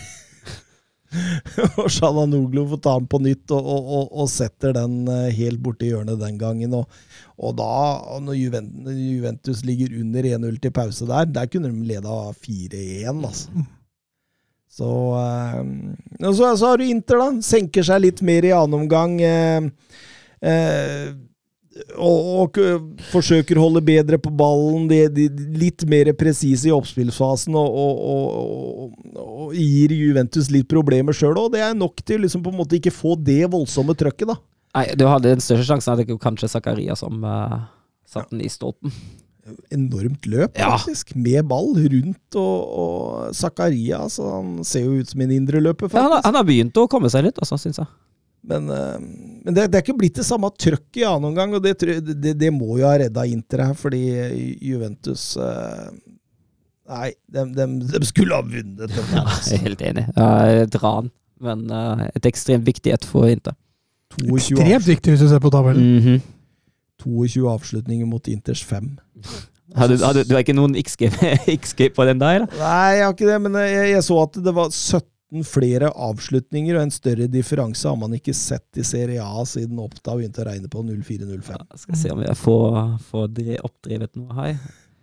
Ja, det det var ikke så ille, men det var pga. straffespark. da 1,9 mot 1,05, men straffespark i seg sjøl ligger jo på sånn 25, da. Ja, ikke sant. Man må tilbake til 08-09-sesongen, sist Inter var ubeseira i begge kampene mot Juventus, og man må tilbake til november 2012, sist de vant mot Inter borte i Serie A. Så ja det, det, det, skal, det, det skal ikke la seg gjøre. Nei, det her var jo skudd for baugen her for Juventus i forhold til skudettoen også. Men Til og med jeg må vel begynne å revurdere Vingler du, da? Hvem er det du vingler til da, egentlig? Nei, det blir jo Inter, da. Ja, det blir Inter, ja. Men eh, eh, når det er som du har snakka om nå, da, altså, det var jo fryktelig flatterende. Hadde Juventus vunnet her, så hadde jeg stått jæklig godt i det nå. Altså. Jeg må innrømme det. Så det, Så litt, irriterte det litt, irriterte meg litt rann, at ikke den uh, bikka litt bedre der. Men for å gjøre det ekstra spennende, da, så klarer Milan altså da å avgi poeng hjemme mot Bologna i en kamp som kanskje ikke var mindre sjanseskap. altså, de kjører over Bologna fra 20-25 minutter og ut. Mm. En Bologna har en matchvinner med oppstoppende. Absolutt. For en, eh, en kamp Stropski eh, leverer, altså. Ja, han er, han, er, han er helt fantastisk. eh, Helt, helt nydelig. Blei litt prega av det de meldte før kampen der om Sinisa Mihailovic, da, som dessverre har kommet tilbake til uh, sjukehuset pga. kreftsjukdommen sin. Det, det er ikke noe hyggelig, altså. Det er ikke noe hyggelig, altså. Han har jo virkelig redda Bologna. Altså, når han tok over dem, så var det jo, var det jo flatt batteri og, og pedalen rett nedover i, i systemet. og nå han klarte å holde dem og, og, og ha stabilisert dem til bra, bra fotballag. Det viser dem jo her også. Så, altså, I hvert fall de første 20-25 minuttene, da, hvor de er helt på høyde med Milan. Eh, skaper mye, og, og eh, Arnatovic var jo gud de første 25 minuttene. Alt lykkes. Eh, skuddet til Musa Barrow der som han ja, flekker oh. over. Og det, det, det, det kunne, kunne gått bedre, det der, og der, men jeg, jeg syns det er litt merkelig, som kampen står, at Pioli tar ut Giroud for å få inn på Zlatan. Altså fordi det, det vitner jo om en, en manager som er litt redd for å tape kampen. Altså snarere å prøve å vinne. Altså, Istedenfor i tillegg til, tenker du Ja, på. ja. Men eh, 33 avslutninger. 33 Det er helt sykt. Eh, Skoropski sto som en blekksprut der, og, og Oppda sleit med å finne tallet i sin database på så mange avslutninger uten å skåre mål i, i en Serie A-kamp. Nei, det var voldsomt, og, og, og dermed så inviterer de jo Napoli inn igjen, da, som vant 1-3 over Atalanta. Og Inter for den saks skyld, altså. Mm. Ja, og Inter. Eh, Atalanta der som egentlig også var det beste laget, så det var, det var mye som gikk imot de, de, som, eh, de som var best i denne omgangen her. Ja, Atalanta nå er vel, eh, er vel definitivt ferdig i kampen om Champions League etter at de tapte der. og Roma passerte dem vel, så vidt jeg veit. Så Atalanta er ikke i en veldig god form for tida. Roma vant eh, 0-1 over Sampdoria etter mål av Mkhitaryan. Det var en jevn og sjansefattig eh, match. eh. Møter ikke Atalanta Leipzig eh, nå? Jo. Mm. Leipzig bør ha muligheter der, med den formen Atalanta viser. For Og med den formen Leipzig er, definitivt. mm. Benjamin Norway på Twitter, Glimt mot Roma. Hvem tror dere går videre? Roma. Roma. Jeg krysser fingrer og tær altså, for Roma. Jeg begynner å bli så lei Bodø-Glimt-supportere på Twitter at det, det er grusomt. Nesten sånn at de har slettet Twitter, for man orker ikke. I hvert fall fjerne de der fra feeden min, de der eh, verste Glimt-folka. For det, det er uspiselige folk, ass. Tenk! Tenk! Hvis de går videre nå. Ja, det blir ulevelig på Twitter hvis de går videre. Jeg, jeg sliter i det. Åpenbart er ikke Twitter-feeden min så full av Glimt-folk. Ja, jeg følger en del eliteseriefolk, jeg, vet du. Ja, okay, Ja, ja det, gjør, det gjør jo egentlig ikke jeg. Så det er derav det, sikkert. um, men uh, spennende nå, altså, i, i, i Serie A der. Em, Inter overbeviste jo virkelig ikke mot Juventus selv, så det, det, for, for meg så er det, det er så åpent, egentlig. Men jeg må jo bare holde på min Inter-spådom som jeg vingla meg til midtveis i sesongen der. Ja, jeg, eh, jeg blir jo bare dummere og dummere hvis jeg skal holde på Juventus, men jeg holder på dem to serier. To, ser, to serierunder til. Som et tap i neste, så Ja, da, da nærmer dropper vi oss ikke nå at de snart ikke lenger har eller hvor, hvor, hvor langt unna er de nå? Hvor mange poeng? Ja, det var like mange kamper da som Milan, men de ligger åtte poeng bak uh, Milan. Ja, kan hende at ja, Hvis de taper nok, da har de ikke lenger mulighet til å ta det heller. Nei, altså Inter har også en hengekamp, da. gir seg ikke når det teoretisk er umulig. men ja, det er sju kamper igjen. Ja, 21 Så hvis Milan går på to-tre smeller på rappen og Sju kamper, det er 21 poeng, det er ikke det? Jo. Sånn fort regna. Ja, det er veldig kjapt regna. Og det er helt riktig òg, faktisk. Sju ganger tre, det skulle bli 21. Du veit du er i trøbbel når jeg sitter og må dobbeltsjekke matten din. vi går til Vi går til ligaen. Sur la frappe de Messi de, De de Mercado, Mercado. Mercado, et, et là aussi, on a un petit peu de réussite. Griezmann sur l'appui, c'était bien joué avec Giroud. Oh, Sylvain. Oh, Sylvain, il l'a vu Oui. Kylian Mbappé Kylian Mbappé, il l'a vu Ça fait 4 Et ça fait peut-être un quart de finale pour l'équipe de France 68e minute Oh, la joie collective parce qu'ils ont tous jailli du banc pour aller saluer cette passe décisive géniale de Giroud et ce doublé pour Kylian Mbappé Ja, PSG skulle reise kjerringa di. Ja, og hun fikk virkelig kjørt seg over. Ja, absolutt. Eh, Det var en eh, fronttrio ved navn M&M som eh, slo litt på sylindera, sånn som vi egentlig vil se dem mye oftere. Mm, mm. Og, og dette trengte dem nok, altså. Altså eh, Loreas kjemper jo med kamp om, eh, mot nedrykk der. Normalt sett så er jo ikke Park de Prance det man eh, ønsker å komme til da, men altså PSG eh, Dårlig form, ryker ut mot Real Madrid. Tre av tap på de siste fem, vel. Treneren vil bort, de største stjerna går bort gratis i sommer. Neymar vil bort, Messi vil bort, Jeg Hakimi vil leste bort. ryktet at Mbappe signerer ny kontrakt etter sesongen.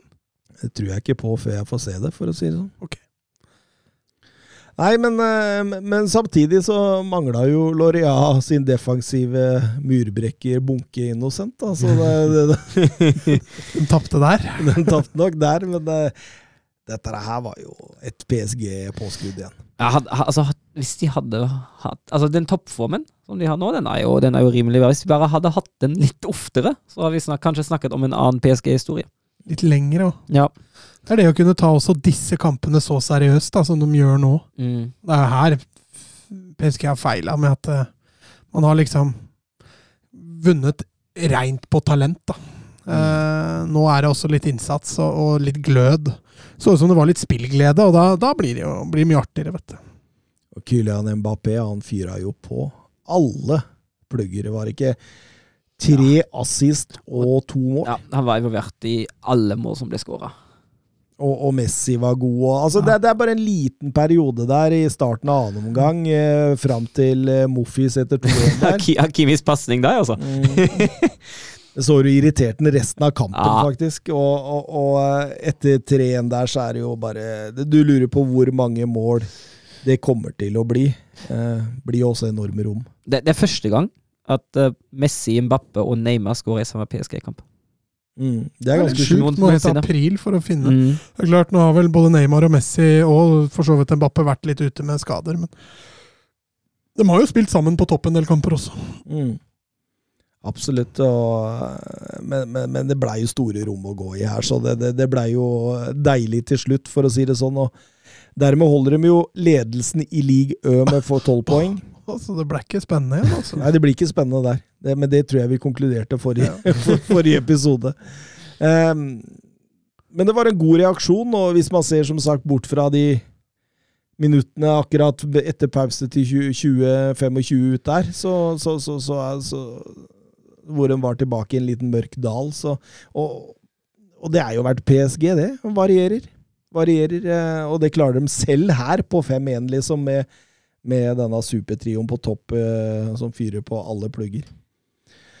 Så spørs det, da, om det hadde skjedd om Hakimi ikke hadde dritt seg ut på 2-1. Ja, det er jo det er spørsmålet. Det, det kan jo gjøre noe med et lag som allerede ikke er særlig trygge. Ja, absolutt. absolutt. Eh, NIS Renn endte 1-1. Det var jo den kampen vi snakka om skulle bli så viktig i forhold til kampen om Champions League. Så status er uforandret der. Mens eh, Marseille eh, trygga andreplassen med å vinne 2-4 mot Santet igjen. Forresten et hysterisk selvmål av, av Santet igjen der på 1-2. Hvor han breisier ballen elegant i lengste hjørne der på, på åpent mål. Det er eh, utrolig morsomt å se på. Um, Marseille har dermed tre poeng forsprang i kampen om den direkte plassen i Champions League. Eh, begynner å lukte litt Sampaoli i Champions League neste år. Ja, jeg tror vi blei vel enige også om det sist, at det er eh, Det er Marseille som kommer til å, til å ta den plassen, så Og Monaco har fortsatt hengt på Europa i og med dem vant mot Metz. Eh, håper litt på Monaco. Det, Ja, det har vært en liten trøst for en eh, litt dårlig sesong for Monaco. Det. det hadde det. det, hadde det. det, det, det vi, vi tippa vel Monaco helt Helt oppe i liksom sånn rett bak. Jeg husker vi snakket om dem før sesongen, og så husker jeg at uh, vi var vel litt uh, Vi var litt fan av det laget som var satt opp. Mm. Men så gikk det, gikk det dessverre ikke som det skulle. Niko Kovac eh, dreit seg ut, og etterpå så kom Filip Clement, og det har ikke vært noen sånn voldsomme effekter av det enda, men det er jo også en trener som trenger litt tid. Så det blir spennende å se hva de gjør eh, neste sesong, men ligaen er avgjort. Det viktigste er hva skjer bak, og, og, og hvem eventuelt som rykker ned. Det, det, det, får vi svar på etter hvert, regner jeg med. Vi eh, kjører litt uh, Europa-hjørne, vi. Bra jobba, gutta! Bra ball! Nei! Ah, grei offside. Tor Håkon, den er grei. Tor Håkon! Nei, Tor Håkon, det var din egen skyld. Ikke bli sint for det, i hvert fall. da. Tor Håkon, ikke kjeft på dommeren. Og ikke kjeft på dommeren. Tor Håkon, nå hører du på dommeren. Det er hver gang, altså. Da er det jo ikke noe bedre enn å åpne med årets Tor Håkon.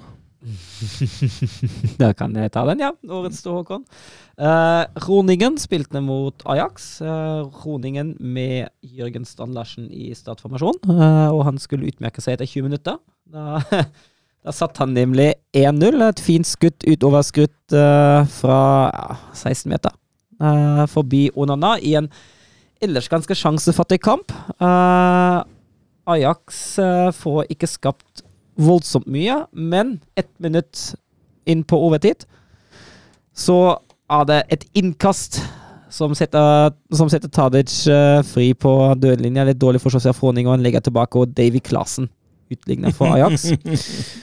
Så blir det straffesituasjon. Uh, tre minutter på overtid er det hands inn i boksen til, uh, til Kroningen. Og dommeren blåser egentlig til pause, mens han får en varbeskjed på øra, Og så må han ut på skjermen og så ombestemme seg. er ikke pause, likevel er straffe. Og sju minutter på overtid setter da Tadic, uh, Tadic 2-1. Omtrent i ja, noen av de få sjanser Ajax har hatt i første. omgang. Berhøy som uh, traff stolpen ved et innlegg som nok ikke var helt uh, tilsikta. Uh, Onana har også noen gode redninger inn i, inn i andre omgang. Uh, det blir jo til etter hvert store rom, og ett minutt inn på overtid så kommer Berhøys ut på en, uh, ut på en kontring og avgjør det hele. og det blir 3-1, og Ajax leder det med fortsatt uh, Eredivision eh, med 69 poeng, foran PSV med 65. Mm, mm, mm, mm, mm. Og så er det seks kamper igjen. Spennende, spennende, eller kanskje ikke så spennende. Eh, Mats? Ja, men i Belgia er det spennende. Uh, Anderlecht som tok imot Charlois i den uh, nest siste av kampen i det opprinnelige serieoppsettet. Uh, Anderlecht som kjemper en eh, desperat kamp om å komme topp fire. Overbeviste stort mot uh, Charlois. Uh, tar tidlig ledelsen med Christian Kvamme etter et eh, strølende- strålende angrep. Uh, I andre omgang blir det fullstendig enveiskjøring, og Joshua Sirksi tegner seg på skåringslista etter et fint eh, langskudd. Uh, Amusu, som eh, var veldig frisk i den eh, matchen, eh, setter inn 3-0. Og, og Murillo på corner på slutten setter inn, eh, setter inn fire. Anderlecht overbeviste veldig. Det er, eh, den andre omgangen der var, eh, var strålende. Charlois har én avslutning hele kampen.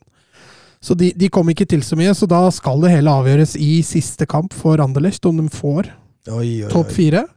To poeng ned til Gent bak, så, og en mye bedre målforskjell. Så hvis Anderlecht bare får ett poeng i, i siste matchen, eh, som skal spilles mot Kortik borte, så ligger det veldig godt an til at eh, Anderlecht får denne viktige topp fire og skal kjempe om Kjempe om eh, europaplass og edelt metall, eh, selv om det nok er for lang vei opp til, eh, til Saint Gilot som, eh, som leder. Mm. Men det er bra, bra for Vincent Company og co. Ja, han burde jo Han har jo egentlig et av de bedre lagene i Belgia, så mm. fjerdeplass i mine øyne er jo egentlig ikke godt nok. Nei. Men Anderlecht på sitt beste i år har vært gøy. Anderlecht på sitt dårligste i år, det har vært fryktelig trått, altså. Mm.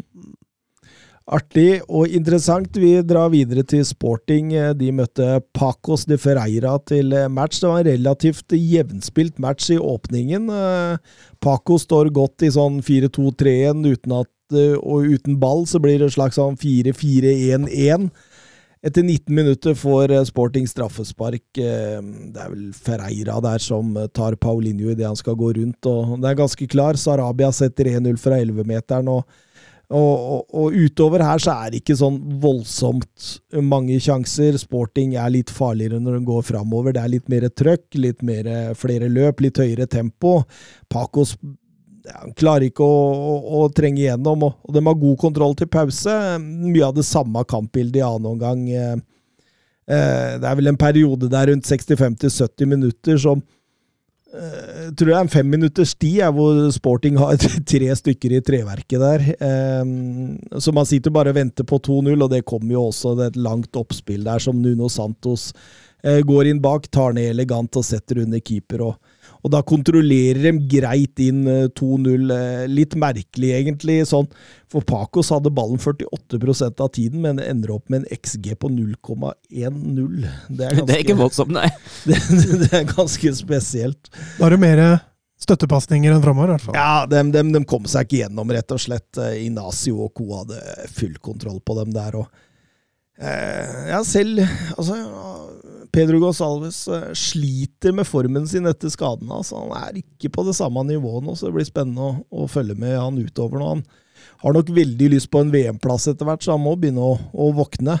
Ehm, Braga vant jo som sagt, eh, eller som sagt, eh, vant, vant eh, 3-2 over Benfica på fredagen. Eh, de lå, eh, Benfica lå lenge under 2-0 før Darwin Nunes og, og eh, Joao Mario reduserte og utligna, men så satt Vitor Oliveira 3-2 på overtid, og, Porto vant eh, greit 3-0 over Santa Clara i går. Fullstendig kontroll. To mål av Fabio Vieira, som denne 21-åringen som virkelig begynner å skinne nå. Så, veldig morsomt å se. Eh, sies at Diego Yota tipsa Nuno Espirito Santo om henne når han var i, i, i Wolverhampton, og at han har gjentatt den anbefalingen til Jørgen Klopp nå, at Liverpool skal være interesserte i eh, Fabio Vieira. og det det er en spennende overgang. Litt sånn lik eh, Carvalho, som de holdt på å hente fra Fulham. Så det, det, det blir spennende å se om de klarer å hente han. En Strålende spiller. Um, tabellen. Porto seks poeng foran Sporting. Benfica følger der ni poeng igjen bak Sporting. Så det virker som det er litt avgjort. Det er litt satt på de øverste tre, da. Ja. Sporting er vel ferdig med Porto, så Mm. um, Så Ja, absolutt. begge de to laga har vel egentlig en OK vei igjen. Jeg tror begge har igjen Benfica, ja, men uh, bortsett fra det, så er det vel greit. Ja, og Benfica virker for langt bak, egentlig. Eh, Braga, som denne uka spiller kvartfinale i Europa League mot eh, Rangers, har eh, fjerdeplassen med god margin både opp og ned også. Så, så det virker veldig satt, Mm. eh, tabellen sånn han er nå. Um, Twitter-spørsmål som jeg tenkte passer jæklig bra i året Tor Tor Håkon. det er Jakub Baran. Uh, hvem tror dere vinner lørdagens polske El Clásico mellom Lech Poznan og Legia Warszawa. Ja, Det er jo ekstremt dårlig grunnlag for å svare for, for, for, å svare for de ekstraklasser. Det er ikke mitt, uh, mitt sterkeste område. Jeg ser jo at Hvis en ser på tabellen, så er det jo 20 poeng som skylder de lagene i eller Posenlands uh, favør. Og da tenker jeg Altså, de har hjemmebane òg, så er det kanskje ikke å komme utenom at de har favorittstempelet da og bør vinne den, der. Mm. Legia Warszawa har blitt voldsomt mye bedre etter at Aleksandr Vukic, eh, Vukovic er han heter, tok over klubben sånn halvveis i desember. De holdt vel på å rykke ned Ja, før? de, de var vel veldig dårlige der en periode, men, eh, men nå er de fått litt på sporet igjen. Og eh, det er som du sier, vi har, vi har voldsomt lite å komme med der, egentlig, men, eh, men siden hjemmebanefordelen Lech Poznan har mer å spille for, jeg tror Legia Warszawa ikke kan rykke ned nå i det hele tatt.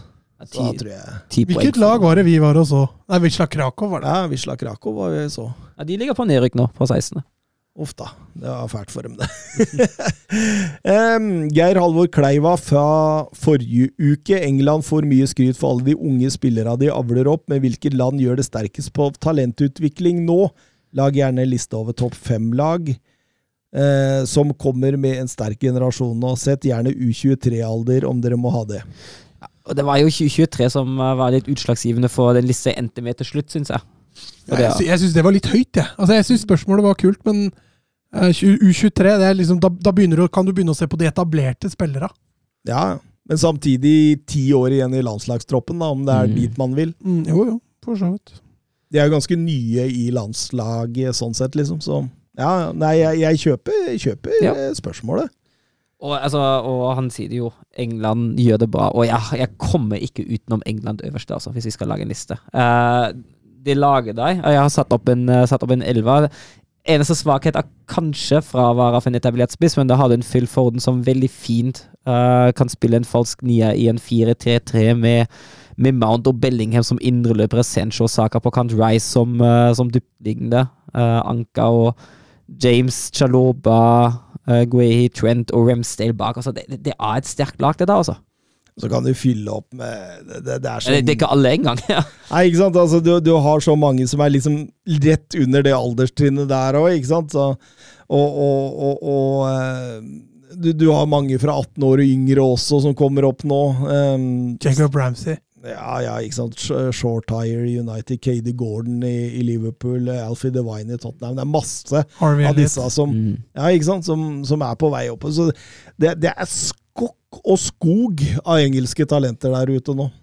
Og, og det, det ser man jo egentlig de siste åra, og at de har prega liksom aldersbestemte landslagsturneringer ganske lenge. da.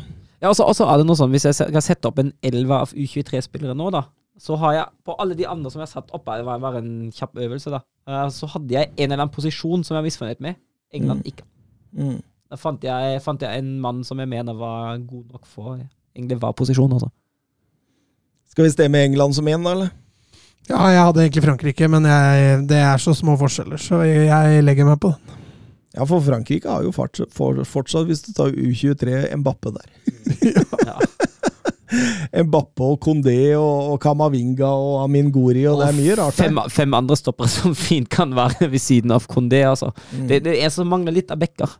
Men de har litt samme bredden som i England der. Altså, altså både spill, superstjerner De har den gjengen som liksom ligger på rundt 20 år, Mm. som liksom bare venter på å ta det steget, og de har de der under 18 som er sånn store, store talenter. Så det, det, det er litt av det samme av England og Frankrike, så jeg skjønner godt hvorfor du kan ha Frankrike som én, for det er, det er veldig likt. Mm. Mm.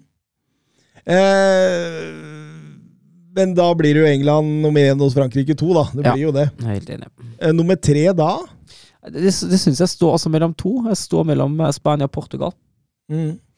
Jeg har gått, jeg skrev ned Portugal. Eh, Jeg syns de har eh, fryktelig mange spennende i sin generasjon. Og der hvor du nevnte Mbappe, så er faktisk også Felix fortsatt i den kategorien. Så eh, du har veldig mye spennende også i Portugal. Altså.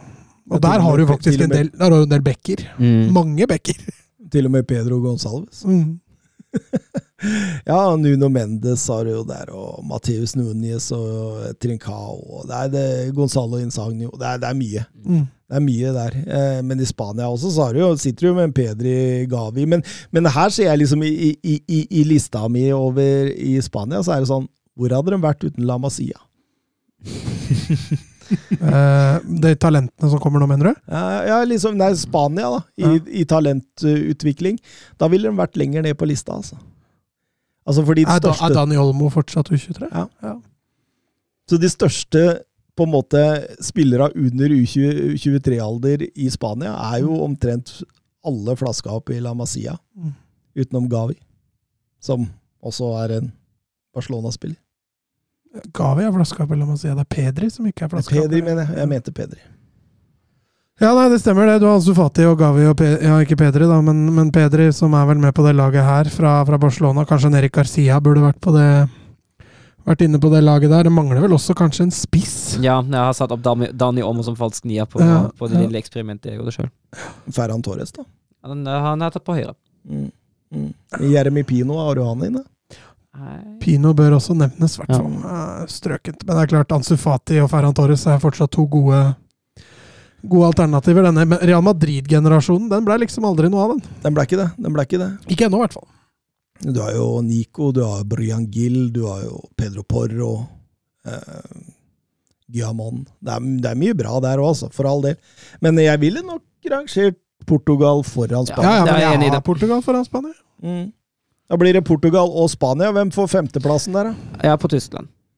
Mm. Eh, Vant jo EM i U21 sist. da. Ja, altså, det er jo, det er jo mye bra der. Og så har den midtbanetrioen, hvis vi setter den opp som en trio, Havertz, Wirtz og Mosiala. Og Mosiala som virkelig nå i landskampene Hvem er dyp av de? Mosiala. Han har, han har spilt det nå mot Nederland. Eh, strålende i den dype rollen mot Nederland. Og har begynt å virkelig ha en, ha en voksen spillestil på midtbanen når han må ligge dypt. Og han begynner å bli en spiller som kan bekle mange forskjellige roller, både sentralt og ut på kant. altså. Eh, selv om jeg tror jo på sikt blir han mest verdifull sentralt, med tanke på den utviklingen han har tatt. Uh, Nederland, altså der var det, der var det litt sånn Jeg veit ikke, der var det litt, litt på den sentrale aksen som, uh, som mangla, syns jeg. Jeg sjekket også litt Brasil, men de hadde mye offensivt og mye på kant, men Jeg, jeg tok ikke med de utenfor Europa. ja, da, Jeg sjekket litt Brasil, men Brasil hadde en for svak sentral akse da òg. Ja, Uruguay er jo et annet land som fostrer mm. opp eh, bøttevis. Altså, det, er- det er jo knapt nok større enn Norge, og det, det, Ja, det, det er det, kommer så sinnssykt mye fotballspillere Mm. derfra nå. Ja. Så det, det blir veldig spennende å følge med både Uruguay og Argentina framover også. Men Det- ja. Dessuten så har Polen mye bra. Ja. Eh, Belgia eh, mye, mye bra der også. Eh, så Nevnte du Brasil? ja, det var jo det vi gjorde. Jeg har jo bøttevis av offensivt talent, Ja. i hvert fall. Det er litt, det er litt skeivt der i Brasil. Mm. Mange som vil spille spiss i Brasil. men eh, nei, men jeg, da er vi jo for så vidt enige med en liste. Da. Jeg kan fint sette Tyskland på 50, jeg. Det, jeg føler også Tyskland har en sånn generasjon U15, U16 nå, som Mm. begynner å komme oppover, og det, den kan bli Veldig spennende. Jeg gleder meg til å se. Mm. Det er flere av Eh, Litt VM før vi avrunder her. Erik Hatløy. Eh, diskuter gruppen i VM og hvem som vinner hver gruppe. Begynner vi i gruppe A, da. Qatar, Ecuador, Senegal og Nederland. Ne- Jeg tror jeg Nederland vinner. Hæ? Tror du ikke Qatar tar det? Nei, jeg tror Qatar ryker ganske fort, altså. Hvem blir nummer to? Er det Senegal? Hvem, var- hvem var det siste? Jeg datt ut på Qatar. Qatar, Ecuador, Senegal. Ja, da blir Senegal. Mm. Gruppe B, England, Iran, USA og Ukraina eller Skottland mot Wales i en finale. Altså, det er vel Det er vanskelig. Det er tre lag som ligger på sånn cirka samme, samme nivå. Ja, litt tru på USA. Ja, jeg tror England og USA. Ja. USA har en spennende generasjon nå. Altså. Ja. Da, da, når jeg sier jeg har tro på USA, så er jo England selvfølgelig den soleklare favoritten der. De kommer veldig greit ut av gruppa, men, men litt USA, så selv, selv om Gareth Bale nok kommer til å være gud for Wales om de kommer så langt at de, de får en plass der. Gruppe C, Argentina, Saudi-Arabia, Mexico og Polen. Ja, jeg står Argentina som den store favoritten. Altså, jeg tror det blir ekstremt spennende mellom Mexico og Polen om andreplassen. Mm. Men jeg holder en liten knapp på Mexico der. Med tanke på turneringshistorikk og, og det der. Jeg holder en liten knapp på Polen. Ja. Kommer med mye bra nå. Ja, de gjør det. Enig. Gruppe D. eh, Frankrike, Danmark, Tunisia og Arabiske Emirater mot Australia i en semifinale der de skal møte Peru. Det har vel ikke så veldig mye å si. Nei, det skal jo et, Jeg tipper Peru og Australia går videre fra den gruppa. da er du rå! Da er du rå! Nei, Det er jo Frankrike og Danmark som skiller seg ut som soleklar favoritter, altså nummer én og to. Vanskelig å argumentere mot det. Gruppe E. Spania, Tyskland, Japan og Costa Rica. Nei, Costa Rica mot New Zealand. Det, har, det bør ikke så ha, ha så mye å si hvem som kommer inn der heller. Men det er, altså, jeg holder Spania som favoritt på førsteplass og Tyskland på andre. Gruppe F. Er død, nærmeste dødens gruppe, er det det? Ja, det var ikke så mye Nei, men det, det, det er et par enda jevnere her mot slutten. Eh, gruppe F. Belgia, Canada, Marokko og Kroatia. Den er litt tøff. Den er litt tøff, særlig med tanke på Belgia og Kroatia. Men eh, jeg tror, altså både Belgia og Kroatia bør jo ha grei skuring mot Marokko og Canada. Men Canada begynner å komme seg med Ja, litt Er- Det er begrensa mye Anthony Davies kan gjøre på egen hånd. Anthony Davies òg, da. Regner med det var Alfonso. Ja, det var det jeg mente. Hvem er Anthony Davies? det er, det, det, du tenker du på Anthony Gordon, kanskje? Nei, nei. Hva? Hvorfor sa jeg Anthony Davis? Nei, jeg vet ikke. Alfonso Davis. Jeg vet. Nei, men eh, det, det, det, jeg tror det kan bli jevnt bak Belgia. ja, Kan det, jeg- holder en knapp på Kroatia. Mm. Spennende. Så ja, ja så det, det Tenk deg Modric er god da. Han blir jo bare bedre og bedre Ja, for hvert sykt. år. Han. Som en god vin. Neste år er han enda bedre igjen. ikke Tenk på VM i 2044. Ja, fy Da er han god, da! Eh, gruppe G. Brasil, Serbia, Sveits og Kamerun. Brasil er jo soloklar favoritt, og så er det jevnt bak. Men uh, Sveits er jo ganske solide. Mm. Det er noe mesterskapslag også Ja. blitt, Sveits. Ja, og kaster jo ut blant annet Italia i kvalifiseringsgruppa. Ja, Forsto de ikke Frankrike for uh, Sveits er en av Europas gråeste lag, men likevel klarer å komme seg til mesterskapet. Er det ikke han derre Zybra som sender sender dem videre hvert år? Spiller ikke, Spiller, sitter på benken på klubblaget Ja. og herjer i Sveits. spiller ikke fotball annet enn for landslaget, nesten. Nei da. Siste gruppe Portugal, Ghana, Uruguay og Sør-Korea. Ja, Den er tøff, men er tøff. Portugal tar den. Portugal tar den, og så bør Uruguay komme seg videre på andreplass. Det blir kult å se Son da i VM. Tenk deg det, det lille landet der har greid å få Har altså tre verdensklasse Ja. stoppere, liksom. Det er helt sykt. Ja, det er voldsomt. Arojo, voldsomt. Arojo spiller høyrebekk på Uruguay. Ja, men tenk på midtbanen og med Ugarte og Nei, det er Bentancour. Ja, Så har de uh, grei spiss, selv om de begynner å dra på åra. Ja, men Darwin Nones kommer bak, så det er, det er, det er voldsomt. Eh, Oskar Carveio Holm, hvilken stjernespiller vil dere savne mest under VM? Eh, Barella. Ja, det må jo være en italiener Ja. eller Zlatan. Ja, jeg, jeg, har, jeg har Barella. Eller Haaland, eller? Eller eh, Mohammed Salah? Kunne hatt alle. Haaland kommer du til å savne. Altså, Ja, det hadde vært kult å se Haaland i VM, da. For all del. Han har jo gitt beskjed at han liker jo Qatar Airways og sånn. Kan hende du ser den i VM, bare på tribunen. Og med de orda så avslutter vi og sier uh, høres neste gang. Snakkes. Ha det Messi